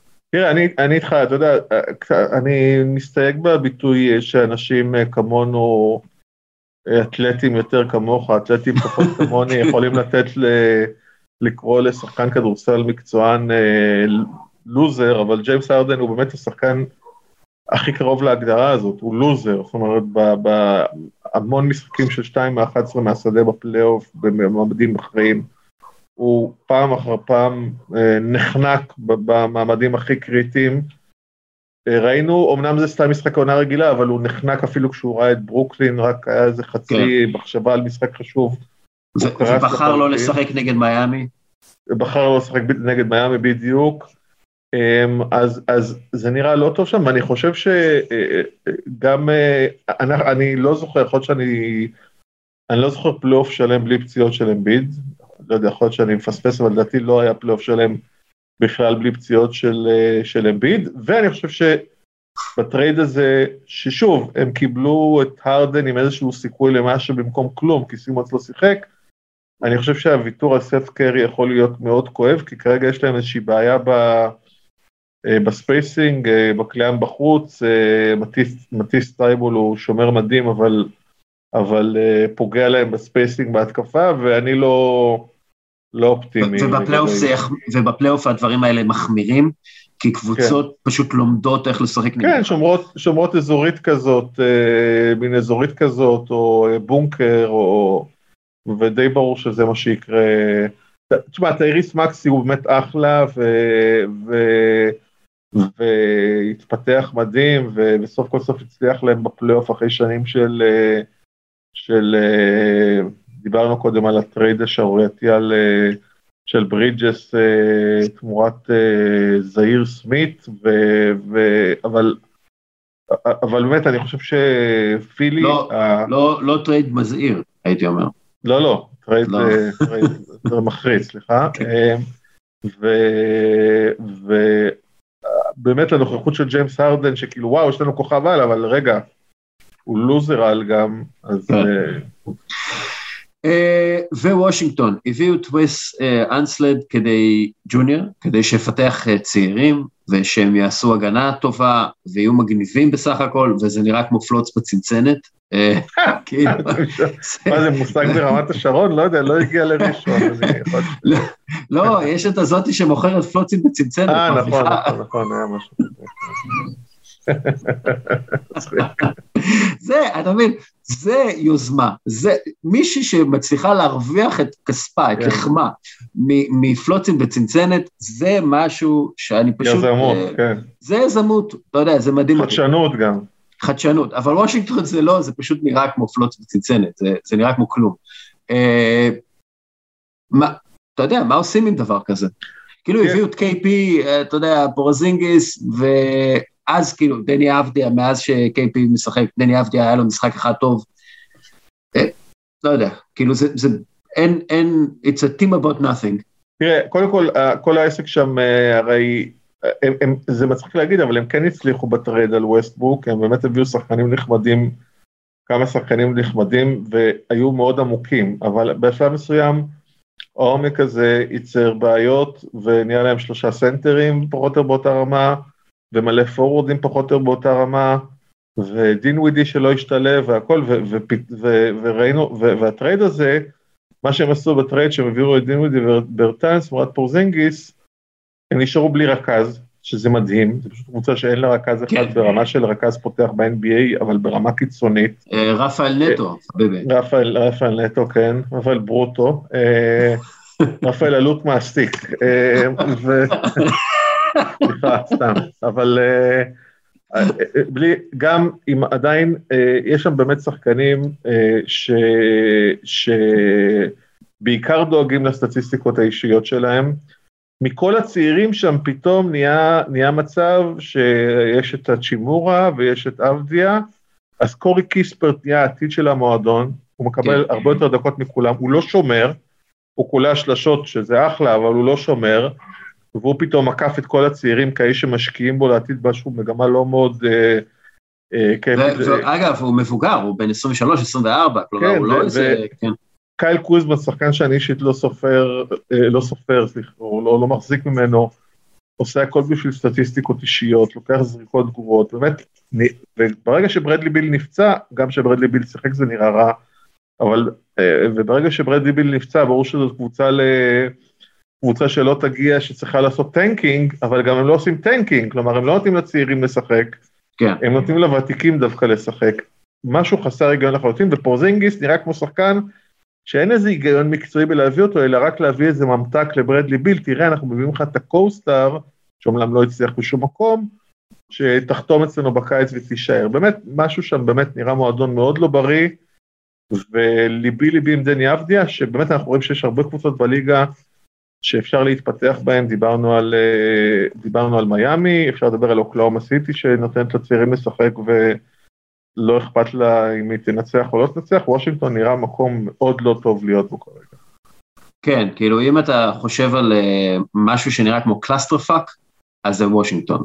כן. זה, זה פשוט, אה, באמת בדרך לשום מקום, ביל יכול לעזוב, יש דיבור שהוא רוצה להגיע לפילדלפיה. אגב, מאוד מעניין אותי לראות אותו בפילדלפיה, זה יהיה לפי דעתי קריסה מרהיבה, אבל כן. בסדר, אה, ובאמת, זה כאילו המקום הכי גרוע בעולם לשחקן שלנו, לילד של כולנו, לדני אבדיה, זה- זה- זה נורא. כאילו זה, זה אוקראינה וקצת מעל זה וושינגטון. כן. אה, טוב, אה, יושר זה עוד משהו שרצינו לדבר עליו ולא דיברנו עליו? משהו חשוב לך? ג'וש גידי? אה, אה, תשמע, לא יודע, רק שמעתי איזה פודקאסט על אוקראינה שאומרים שזה ייגמר בנשק אה, גרעיני טקטי, אז לא נראה לי שחשוב כל כך מה נדבר כרגע, זה גם כך הולך להיגמר תכף, אז אה, הנה, סיימתי בנימה אופטימית. בתקווה שלא תתחיל מלחמת עולם אה, גרעינית, אה, אנחנו אה, נסיים ונקווה שהבעיות אה, המרכזיות של ה-NBA תהיה באמת, יהיו באמת אה, אה, לא. דיברנו על יוטה. טוב, על יוטה אה, גם נכון, נראה לי. נכון, קפצתי. יוטה ידאגו לנו, יוטה ידאגו לנו בפלייאוף, פשוט הם יודחו בסיבוב הראשון וידאגו לנו ל- כן. ואז יהיה- עונה של... יהיה דיבור על כמה רודי גובר שווה בכדורסל של היום. לא, אה. ומיטשל, אה, והם יחששו שמיטשל יעזוב לניקס, ויתחיל הדיבור. אה, ניקס, כן, תראה, גם לא דיברנו הרבה על הניקס, כן, אבל אה, נראה לי. שיוטה והניקס יהיו שילוב, יחליפו אחד, אתה יודע, יחליפו אחד עם השני נוטס. טוב, אודי הירש, תודה רבה לך. תודה רבה, היה כיף כרגיל, יאללה, נדבר, ביי. ביי. ועכשיו, גל קרפל מבועטים את הגזענות מהמגרשים של הקרן החדשה לישראל, ואורחת אהובה ביותר. גל, גם אתה אהוב. כן, תודה. שתדע. כן, כן, תודה. בוא זה. אה, אבל אושרת עיני? אהלן אהלן. אה, אני לא רוצה, אתה יודע, אה, להגיד שאני, שאני אוהב מישהו יותר ממישהו אחר, אבל את אוש- אושרת זה, זה אחות, אה, אתה יודע, נכון. נכון. אחות מ- מאימא אחרת ואבא אחר, ואנחנו... אה, כן. אה, מה המצב? אוקיי. מה המצב אושרת? אני בסדר גמור, הכל יחסית, אז זה בסדר גמור. אנחנו, אה, גל ואני, אה, מנסים להביא את המאבק אה, נגד גזענות ואלימות לדשא. אה, ולהסב... ושכדורגלנים אה, יסבירו לנו איך הם מרגישים את זה, איך הם מרגישים את השנאה והאלימות שיש בכדורגל, ואיך גם הם יכולים להשפיע ולשנות את זה. אמ, אז אני, אז דיברנו עם אה, גילי ורמוט לפני, כמה זמן זה היה גל? חודש? חודש בערך, כן. כן. אה, דיברנו איתו על איך הוא חווה את כל המאבק אה, נגד ההומופוביה ונגד הגזענות, ואנחנו רוצים לשאול אותך, איך, איך את חווה את המאבק במיזוגניה ובגבריות רעילה מהדשא וגם ברשתות החברתיות, שאת. לצערנו את חווה את זה גם. כן, אני חושב שלאושרת אגב יש, זה סוג של שני כובעים, אתה יודע, אחד הדברים שאנחנו, תמיד יש את הדילמה הזאת שמדברים על אה, כדורגל, כדורגל נשים, נשים וכדורגל, בעצם כדורגל נשים ונשים וכדורגל זה שני נושאים אחרים ושונים, אה, כי באופן טבעי בכדורגל נשים יש פחות קהל, והערכות יחסים הן מאוד בין השחקניות, לעומת זאת יש את הסוגיה של נשים בכדורגל גברים, השירים המיזוגנים כמו שיר האונס שיש במכבי ושירים כן. אחרים, והאווירה המיזוגנית שכמובן יש אותה בכדורגל הגברים, ואושרת כמובן כפרשנית שעוסקת הרבה מאוד בכדורגל גברים, מעניין לשמוע, כן, גם, גם על זה ו, ו, ו, וגם על זה, גם כשחקנית משהו... וגם כפרשנית וגם כאוהדת. נושא קליל כזה, אושרת. כן, משהו כזה. כן, תמיד אני מדברת על הדברים הכלילים. לא, אבל כן, כמו שגל אמר, צריך לעשות הפרדה. אה, בתור אה, כדורגלנית, בטח פה בארץ, אז אין לנו אה, הרבה מגע עם, עם אוהדים, אוהדי כדורגל ואוהדי הקבוצות שלנו. זאת אומרת, זה הרבה משפחה וחברים. ובאופן כללי, אם אני, אם אני יכולה לנתח את זה גם בעולם, גם כשהם מגיעים, אתה יודע, עכשיו נמכרו עוד, יצאו למכירה, סליחה, עוד 5,000 כרטיסים לקלאסיקו ביום חמישי שיהיה במסגרת ליגת האלופות, אה, של אנשים. של אנשים, אז הם, כן. הם יגיעו כנראה ל-90 אלף, 500 אה, ומשהו, לשיא תכולת האיצטדיון. אז גם שם, אוקיי, וגם במונדיאלים, וגם במקומות, בארצות הברית, באנגליה, שיש הרבה מאוד קהל, וגם קהל, לא רק קהל ניטרלי שבא ליהנות uh, מכדורגל, אלא קהל עם, uh, עם דעה מאוד ברורה, מי הוא רוצה לנצח, בעל שאיפות והכל, גם שם uh, העידוד ותרבות העידוד היא של עידוד. יש פחות שריקות בוז, כמעט ולא היה, בוא נגיד זה ככה, עד uh, ריו 2016, עד שאופסולו יצא נגד הברזילאים ונגד כל מה שקורה שם עם, uh, עם נגיף הזיקה, אם אתם זוכרים, אתם, אנחנו מדברים כן, כן. אחורה כן, וכאלה. ואז שרקו לבוז במגרש. הנגיף הקודם. הנגיף הקודם, כן. כן. ואז שרקו לבוז במגרש, ואוהדי הכדורגל אנשים, רגע, רגע, מה זה, זה לא, תשמעו, זה לא מקובל אצלנו, גם אם אתם חושבים ככה, זה לא מקובל אצלנו. אז, אז גם תרבות העידוד היא, היא חיובית יותר, אה, והיא, בוא נגיד, היא, מן הסתם היא לא תהיה מיזוגנית כי אנשים באים ומשלמים כסף ונוסעים שעות ארוכות כדי לבוא ולעודד קבוצת כדורגל, נשים, אז הן בעד הנשים, נגיד את זה ככה באופן כללי. מה שכן, בתור כדורגלניות, אה, אנחנו מקבלות הרבה יותר שנאה ברשתות. אני עדיין מדברת בכובע בתור כדורגלנית, אחרי זה נגיע לכובע של אה, נשים וספורט. כן. הרבה יותר, אני לא אגיד עם הרבה יותר שנאה, אבל הרבה יותר שנאה שהיא, שהיא מיזוגנית, שהיא נגד נשים, זאת אומרת הרבה יותר אה, שנאה, יכול להיות שאת גילי ורמוט קיללו, ואני לא אתייחס לבחירות שהוא עשה, אלא בתור שחקן בכל קבוצה, אה, על השחקן שהוא ומה אתה עושה ו- וכל מיני דברים כאלה, ויקללו את הקבוצה שלו, אבל הוא לא קיבל קללות בעצם זה שהוא, בעצם זה שהוא גבר, בעצם זה שהוא עוסק בכדורגל, ו- ואנחנו כן. אה, ואני יכולה להגיד לכם שזה... לא משנה מאיזה מדינה, ואפשר לחשוב במדינות הכי מתקדמות והמדינות הכי נחשלות, והדוגמה אני חושבת הכי טובה ש, שהייתה, אה, היה עם אה, מיסה, השוערת של ריאל מדריד, uh-huh. שהעלתה תמונה שהיא חוגגת אחרי, אחרי עצירה, אחרי ניצחון, וקיבלה מבול של שנאה ברשתות, ו, ואז היא קיבלה תמיכה מהכדורגלנים בריאל מדריד, שרשמו מיסה. כן. בסיום, אותה תשוקה למשחק, והעלו תמונה שלה עם תמונה שלהם, כאילו שחוגגים באותה צורה. אה, היא בסך הכל... בעצם כדורגלנית, כדורגלנית בארץ אז בעיקר נתקלת בשנאה הזאת שאת מתארת, אני מתאר לעצמי לא במגרש, אלא כאשר יש כתבה, אז הטוקבקים. כן, כן, כן, ברשתות. אני יכולה להגיד לך שגם הרבה מאוד אנשים משקיעים המון המון מאמץ כדי להגיד לי שזה לא מעניין. זאת אומרת, זה לא מעניין אותם, אבל אם הם ימצאו את הפרופיל הפרטי שלי, לא הפרופיל העסקי נקרא לזה ככה, לא של מה שקשור בכדורגל, מה שקשור בחיים הפרטיים שלי, כדי לבוא ולקלל ולזרוע שנאה שם ולהגיד שזה לא מעניין. אה, שזה גם סוג של שנאה, גם אה, אם אתה לוקח את הזמן ואתה יודע, דסקל יכול להגיב כמה תגובות יש לו בדף של אה, בכל יום נתון, שכל פעם שהוא מעלה משהו שקשור לספורט נשים או לכדורגל נשים בפרט, כמות הרפש ש, שעולה שם היא, היא פשוט בלתי פרופורציונלית לכמה שזה לא מעניין אותם, נגיד את זה ככה. כן. זה מצד אחד. מצד שני, בכובע השני שלי בתור אוהדת כדורגל שנמצאת במגרשים כבר 30 שנה ופרשנית, אני יכולה להגיד לכם ש... הייתי מגיעה למשחקי כדורגל כבר בתור ילדה, אז היה לי יותר קל, הייתי עם שיער קצר, לא הייתי אומר, היינו קונים כרטיס אב ובן, כי כמובן לא היה כרטיס אה, משפחות, או אימא ובת, או אבא ובת, כמובן אנחנו לא, בכלל לא בשיח, אה, ולא הייתי, לא הייתי מזדהה בתור ילדה. ואז כשהתחלתי ללכת לבד למשחקים, והיה כניסה חינם לבנות, אז הייתי צריכה להגיד להם שאני בת, אה, ואז כאילו לא ידעו מה לעשות איתי אפילו, כי אין, אין בודקת, לא היה. אני מדברת קצת אחורה בזמן. אה, לא היה בודקת אפילו, בודקת ביטחונית, שמישהי תבדוק. אם יש עליי דברים לא, שאסור להכניס. אה, וכמובן לא היו שירותי נשים ולא היו דברים כאלה. נקפוץ קדימה, נגיע להיום, אז אה, כמובן אין שום פנייה לאוהדות חוץ מביום האישה, שאומרים בוא תקנה כרטיס לחברה שלך, אחד פלוס אחד. אין מרצ'נדייז של נשים, כן. יש שתי קבוצות שהתחילו להוציא מרצ'נדייז של נשים, אבל איכשהו לא משנה מה צבע הקבוצה, תמיד יש שם ורוד, ואני מתה על ורוד, זה צבע מאוד אהוב עליי, אבל זה לא הצבע של הקבוצה שאני אוהדת, אלא אם כן כיבסתי בקביצה את האדום עם הלבן. כן. וכמובן אני עושה כביסה, לא, אני לא עושה כביסה בבית, אבל הבנתם את זה.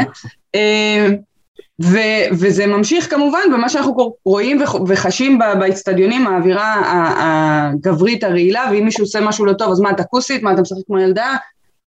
כל מיני דברים כאלה, כאילו שרוצים להעליב, אז תמיד משווים את השחקנים לנשים. אה, גם שאצלנו, כאילו, לא אצלנו בחבורה הפרטית שלי, אבל, אבל שרוצים להעליב מישהו, אז אומרים לי, בואנה, גם אצלכם הוא לא פותח בהרכב, נכון? אצל קבוצת אנשים. אה, וזה העלבון האולטימטיבי, כאילו. אה, ו, ומעבר לשיח הרגיל וה, והמעליב והמוריד, יש את השיח הקיצוני, שזה, כמו שאמרנו, שיר האונס. שזה, שזה דרך אגב כבר ממש כאילו אלימות מילולית. אה, שכאילו מופנה כלפי גברים, אבל היא כלפי נשים, כלומר זה... זה... כן, רק אולי לעשות סדר למי שהתמזל מזלו לא לדעת מה זה שיר האונס, זה באמת אוהדי מכבי תל אביב, שבשיר מביש אומרים שהם יאנסו את הבנות של אה, אוהדי הפועל. כן. אז אני חייבת להגיד אבל משהו דווקא יותר, יותר חיובי בהקשר הזה, אני רואה יותר ויותר אוהדי מכבי תל אביב, גברים ונשים כאחד, אבל הרבה יותר גברים כי במספרים הם, הם גם יותר בולטים והם גם uh, יותר נמצאים ברשתות, שיוצאים נגד השיר הזה, גם במשחקים שהם מנצחים, ואתה יודע, אפילו uh, אולי הניצחון uh, הכי מרגש שלהם בתקופה האחרונה, בדרבי, ניצחון ב, ב, ב, בסוף, ואוהדים מגיעים הביתה ואומרים, תשמעו, איזה כיף לקחת דרבי, אבל הרסתם לנו את החוויה, זה לא צריך להיות במגרשים. זאת אומרת, יוצאים נגד השיר הזה, ו- וזה הדבר החיובי שאני רואה משם. אגב, אני יכול להגיד או שלדרך, כמובן הדוחות של המשקיפים שלנו, שבאמת כבר הרבה שנים, ומהרגע בעצם שהשיר הזה עלה לתודעה, גם על ידינו וגם כמובן על ידי, זאת אומרת על ידי ההתאחדות והגורמים הרשמיים לא היה שום התייחסות לשיר, אבל לדעתי כן. עד היום. פשוט כאילו, כן. כאילו לא קיים. כן. אה, השופט הרביעי שומע אותו, הוא לא כותב אותו בדוח נגיד, זה לא, לא קיים. אה, אבל בדוחות שלנו אנחנו באמת רואים, כשמתחילים לשיר את השיר עוד לפני המשפט הזה, זאת אומרת האוהדים כבר כן. מכירים את המשפט הזה ועוד לפני שמתחיל השיר מתחילים לשרוק בוז ולשיר שירים אחרים וזה הרוב של הקהל של מכבי שנמצא ביציעים, זאת אומרת רוב הקהל של מכבי ביציעים, בהחלט, לא רק שהוא לא בעד השיר, אין לו בעיה גם לעמוד מול אותם אוהדים שבדרך כלל גם יותר אלימים ולהגיד להם עד כאן. כן. אז זה באמת... אה, אז, אז, אז שאפו לאוהדי מכבי תל אביב, לרוב אוהדי מכבי תל אביב. כן, בדיוק. אה, זה, זה מאוד חשוב. ומילה אחרונה, אושרת, על, על המיזוגניה ברשתות, כי אנחנו, המיזוגניה היא אותה מיזוגניה, אם זה על היציעים או ברשתות, כלומר זה, זה אותם אנשים שאחראים לזה, וזה אותה תפיסה, נגיד, די מעוותת. אה, של המציאות ושל העולם המודרני. אז אני אשמח, בגלל שאת, אה, יש לך נפח די גדול ברשתות החברתיות, אני אשמח ש, שתגידי משהו, יודע, תעבירי מסר לאותם אנשים ש, שהופכים את האווירה לרעילה מאוד. אני חושבת שיש התפתחות אה, מאוד רעה של דברים. אה, מה הכוונה? היום אם אתה, אתה אומר את האמת שלך, במרכאות, אה, כמובן לא רואים אותי אז אני אגיד שאני אומרת, אם אתה אומר את האמת שלך אז הכל בסדר, כי אתה אומר את האמת שלך והכל בחוץ, בלי לחשוב מה זה גורם, מה זה הצד השני, ומה היא בכלל אותה אמת שלך. הרי זה לא האמת שלך, זה יכול להיות הדעה שלך, והדעה שלך יכולה להיות מאוד מאוד מעוותת, והדעה שלך יכולה להיות מאוד מאוד פוגענית. שלך או שלך, זה לא... זה. ואני רואה איזושהי אסקלציה, כי אם פעם היה טוקבק שהוא אנונימי, ואתה אומר סבבה יש כתבה, אני לא אכנס לקרוא את הטוקבקים עליי. אה, היום הרשתות החברתיות, יש שם ויש פנים לרוב, לרוב האנשים שמשתמשים ברשתות חברתיות, אה, ויש אה, אפשרות יותר גדולה לזרוע את הרעל הזה ואת השנאה, ואנשים עושים את זה בפנים גלויות, ואומרים אוקיי זה מה שאני חושב, מה, זה האמת שלי מה שנקרא. כן. ו- ופה אני חושבת ההידרדרות המוסרית שלנו כחברה. אה, לא, זה לא האמת שלך וזה לא האמת שלך, וזה לא אמת, בואו נתחיל מזה. אני מרצה לילדים בכיתה ג' ואני שואלת אותם אם הם יודעים מה ההבדל בין דעה לבין עובדה. אה, אני עושה את זה כדי להוכיח כמה מושרשת הדעה והתרבות שלנו, שכדורגל זה משחק של בנים ול, ולבנות אסור לשחק כדורגל. אני שר הבנים אה, לכדורגל, וכולם משלימים אותי הבנות לפח הזבל. ואני אומרת להם, כן. זה לא רק, וביני וביניכם יש הבדל של יותר משלושים שנה, אבל זה לא רק בדור שלכם שרים את השיר הזה, ולא רק בדור שלי, גם בדור של ההורים שלי. זה מאוד מוטמע ומושרש בתרבות שלנו, וזה אולי כן. נשמע לנו אה, קטנוני, כשיר ילדים, כמשהו מצחיק, כקוריוז, אז ממש ממש לא, זה, זה סממן לתרבות שלנו, והדעה שלך ברגע שהיא פוגענית, כמובן היא גם פוגעת, זה לא משנה איך אני לוקחת את זה ואם זה משפיע עליי או לא, אבל היא פוגעת והיא זורעת רעל, ובסופו של דבר היא יכולה להביא לכדור שלג, אה, והיא גם מונעת מאנשים לעשות דברים, זאת אומרת, יכול להיות שיש ילדה שיושבת בבית וקוראת תגובה לציוץ או לפוסט שלי, כי היא עוקבת אחריי והיא רוצה לראות מה אני... והיא רואה את הדעות של אנשים, לא, אז אני לא אלך לשחק כדורגל.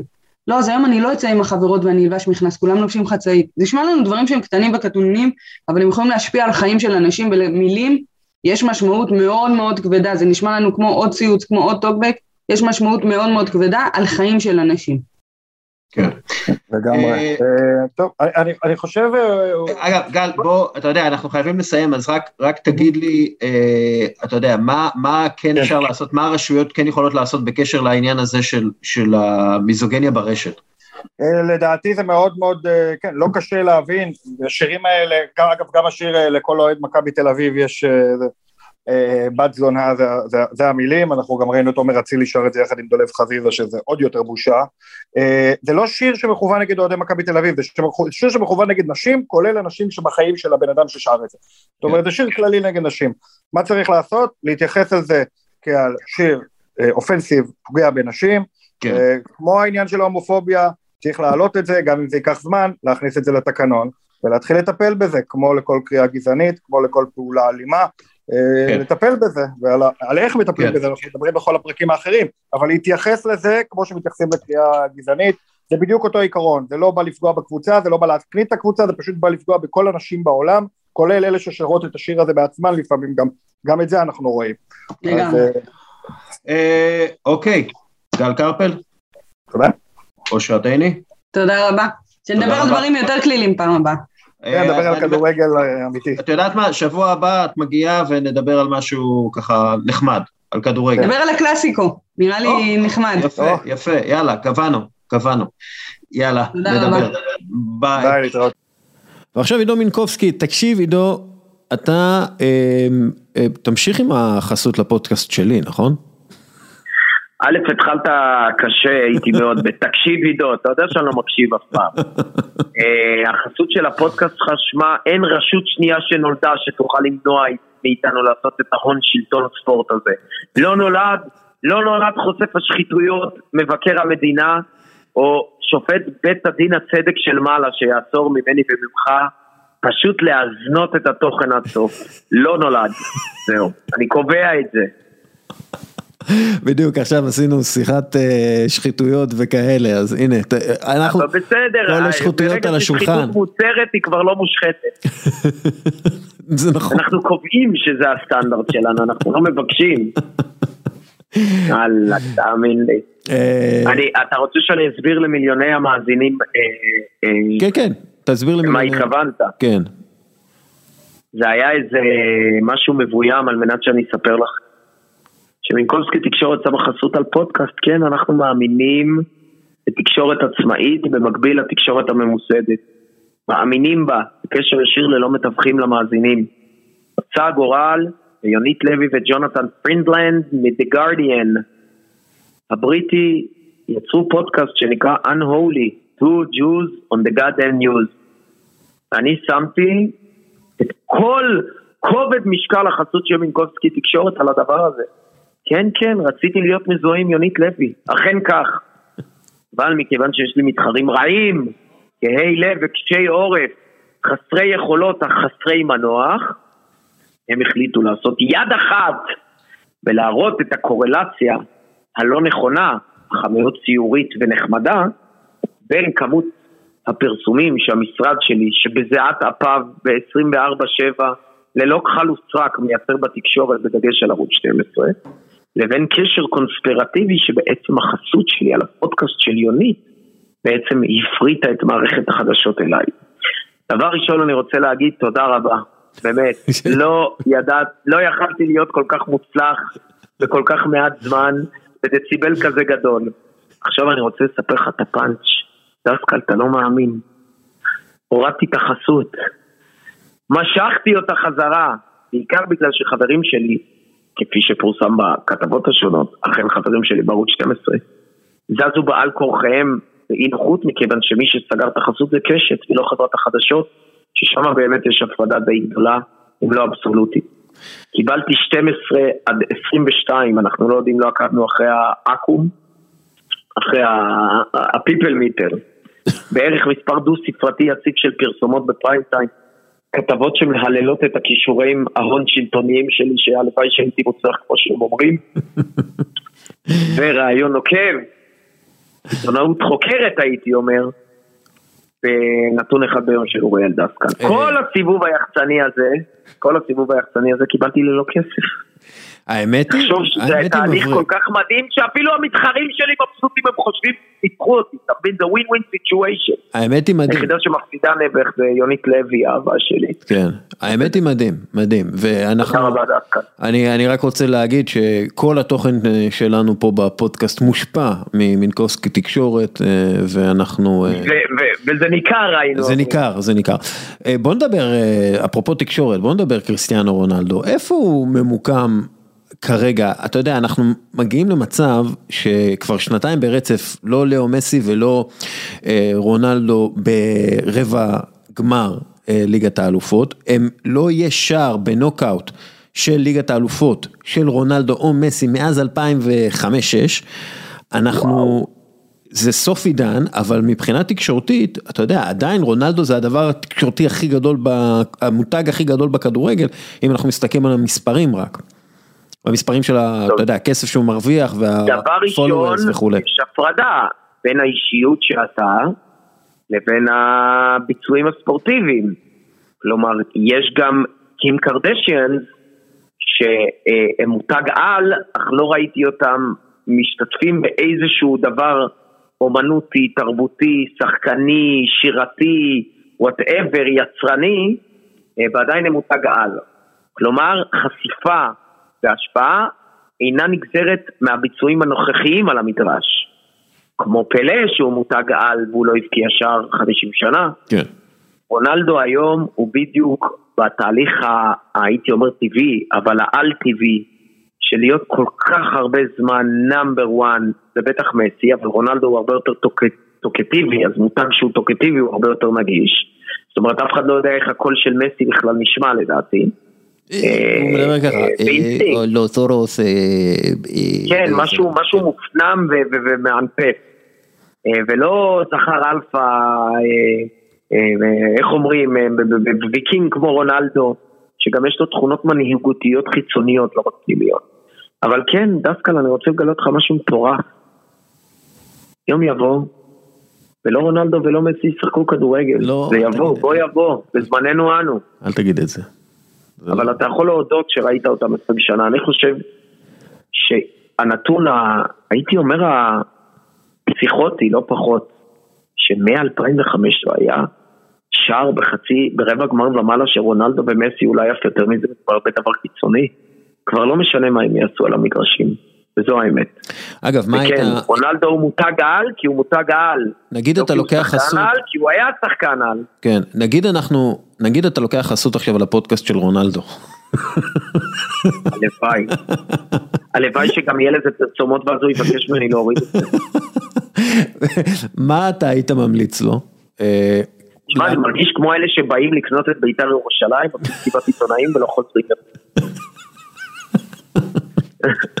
למדתי מהגדולים ביותר. אני גומה הגייר של המוקנה.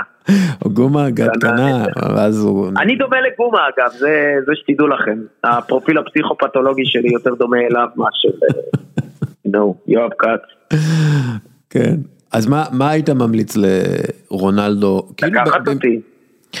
ברור שלקחת אותך, לא, אבל תחשוב, תשמע, יש מותגים, אגב, בזעיר אנפין יונית לוי, אבל יש מותגים כמו רונלדו, שלא משנה מי ייקח את זה, עדיין רונלדו מאפשר להם לקחת חסות, ולא הם לוקחים חסות.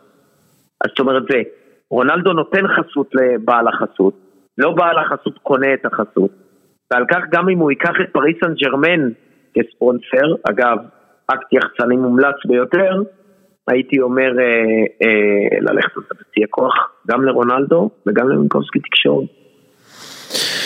תציעו לי. מישהו שעושה, כלומר, להישאר-. שנייה, אה, כלומר להישאר באירופה, לא לנסוע לארצות הברית, להתחיל לכבוש, לספרד, כן, סתם. לא, אה, כאילו לא לכבוש. בצרורות אה, ב-MLS, כן? כאילו, שמע, השאלה מה זה ייתן לו, אם חסר לו כסף, אה, או, אני יודע אם הוא משיגנה כמו איבראימוביץ', אה, שזה הגיוני מאוד, פעם רומריו שיחק בערב הסעודית ובסין, זאת אומרת היו דברים מעולם. אה, הייתי אומר לו ללכת על זה, מכיוון שכסף לא חסר לו. אה, ואני מעריך בזהירות שהוא ינצל את הכישורים שלו להיות או איש עסקים יוצא דופן, או איש ציבור אה, יוצא דופן כמו ג'ורג' וויה, או אה, דווייט יורק, שנהיו אה, אה, אנשים אה, משפיעים אה, פוליטית, הייתי אומר, או מדינית במדינות שלהם, בארצות שלהם. אני חושב ש-MLS הוא לא נצרך לאקט כזה, כי מעמד שלו על, רונלדו אה, הוא כל כך מטורף, שהוא הרונלדו היחיד במוחם של רוב בני האדם, כאשר אני ואתה יודעים שהיה רונלדו לא פחות גדול ממנו, לא מזמן, אף הם שיחקו לדעתי במקביל שנים מסוימות. כן. אה, ועל כך אני ממליץ לו לא ללכת ל-MLS, מה שנקרא כיועץ התקשורת של רונלדו. הייתי ממליץ לו להיכנס לעסקים, לעשות טריליארד כסף ולהיות ראש ממשלת פורטוגל. ול- ולהיות עידו מינקובסקי. בוא נגיד שיש לו סיכוי להיות איתו מינקובסקי בערך כמו הסיכוי שלי להיות רונלדו. אגב, אתה יודע מה הדבר הכי נורא בעולם שגיליתי? מה? רונלדו קטן ממני בשנתיים. באמת? נראה כמו סבא שלי. כן, קטן ממני בשנתיים. הוא בן 36. אה, טוב, קיצר, אה, נחמד, לא? הבאתי את זה בוואן טייק, את כל הנאום הזה, לא רע. one take, אחלה, אתה אורח טוב בפודקאסטים, אה, היית צריך לעשות כזאת פינה אצל יונית פשוט לפי דעתי, זה הסיפור. זה אני מוכן לשלם אפילו יותר. או, אני נו, מוכן להחזיר את החסות. נו, הנה, זה, כן, זו ההזדמנות פתרנו את הבעיה, ואז זה גם לא. ואז זה גם לא never. סמוי, זה גם לא סמוי, אתה מבין? כאילו אני אנחנו, בעד להיות פתוח, אני בעד הפודקאסט בחסות, ביקובסקי תקשורת. קבוצת התקשורת הצומחת בישראל. ו- למה? ככה, ככה, ככה. זה צריך להיות הפרסומת, כי אנחנו רוצים להתגלח על יונית לב. בדיוק, זה מה שהייתי צריך לעשות ו- בפרסומת. ומחפשים אצלכם עובדים תמיד, ויאללה, תלכו לשם, זה נראה לי אחלה מקום עבודה, ואתה צריך להזמין אותי למסיבה אה, שלכם. וואו, יהיה כיף. אני ואתה נעשה את הליינאפ המוזיקלי, אני, אתה ויותם חביבי נשמח, וכל השאר יסבלו קשות. לגמרי, ונביא את ליאם גלגר. או אוי. ואבוי לי, או אוי. ואבוי לי. אוי, אני מוכן להתפשר גם באיאן בראון. האנטישמי הזה לא הגיע. אה, פה? טוב, יאללה דסקל. יאללה אחי. מספיק אה, רונלדו, טחנתי לו את המוח על הבוקר, הוא עכשיו מקבל התראות בגוגל על עידו מינקובסקי, מה הוא אמר, כן אמר, אל תשאל. הלוואי, הלוואי, זה יקרה. אנחנו נעשה את ה connection הזה. יאללה, נדבר. ביי אחי. ביי. אוקיי, עד כאן פרק 433, תודה רבה לרפי רותם האגדי, תודה רבה לאודי הירש, תודה רבה לאושרת עיני ולגל קרפל ולקרן החדשה לישראל, ותודה רבה לעידו מינקובסקי. תודה רבה לקבוצת ח' י' ותודה רבה לך, מאזין יקר שנשאר עד הסוף, יאללה ביי.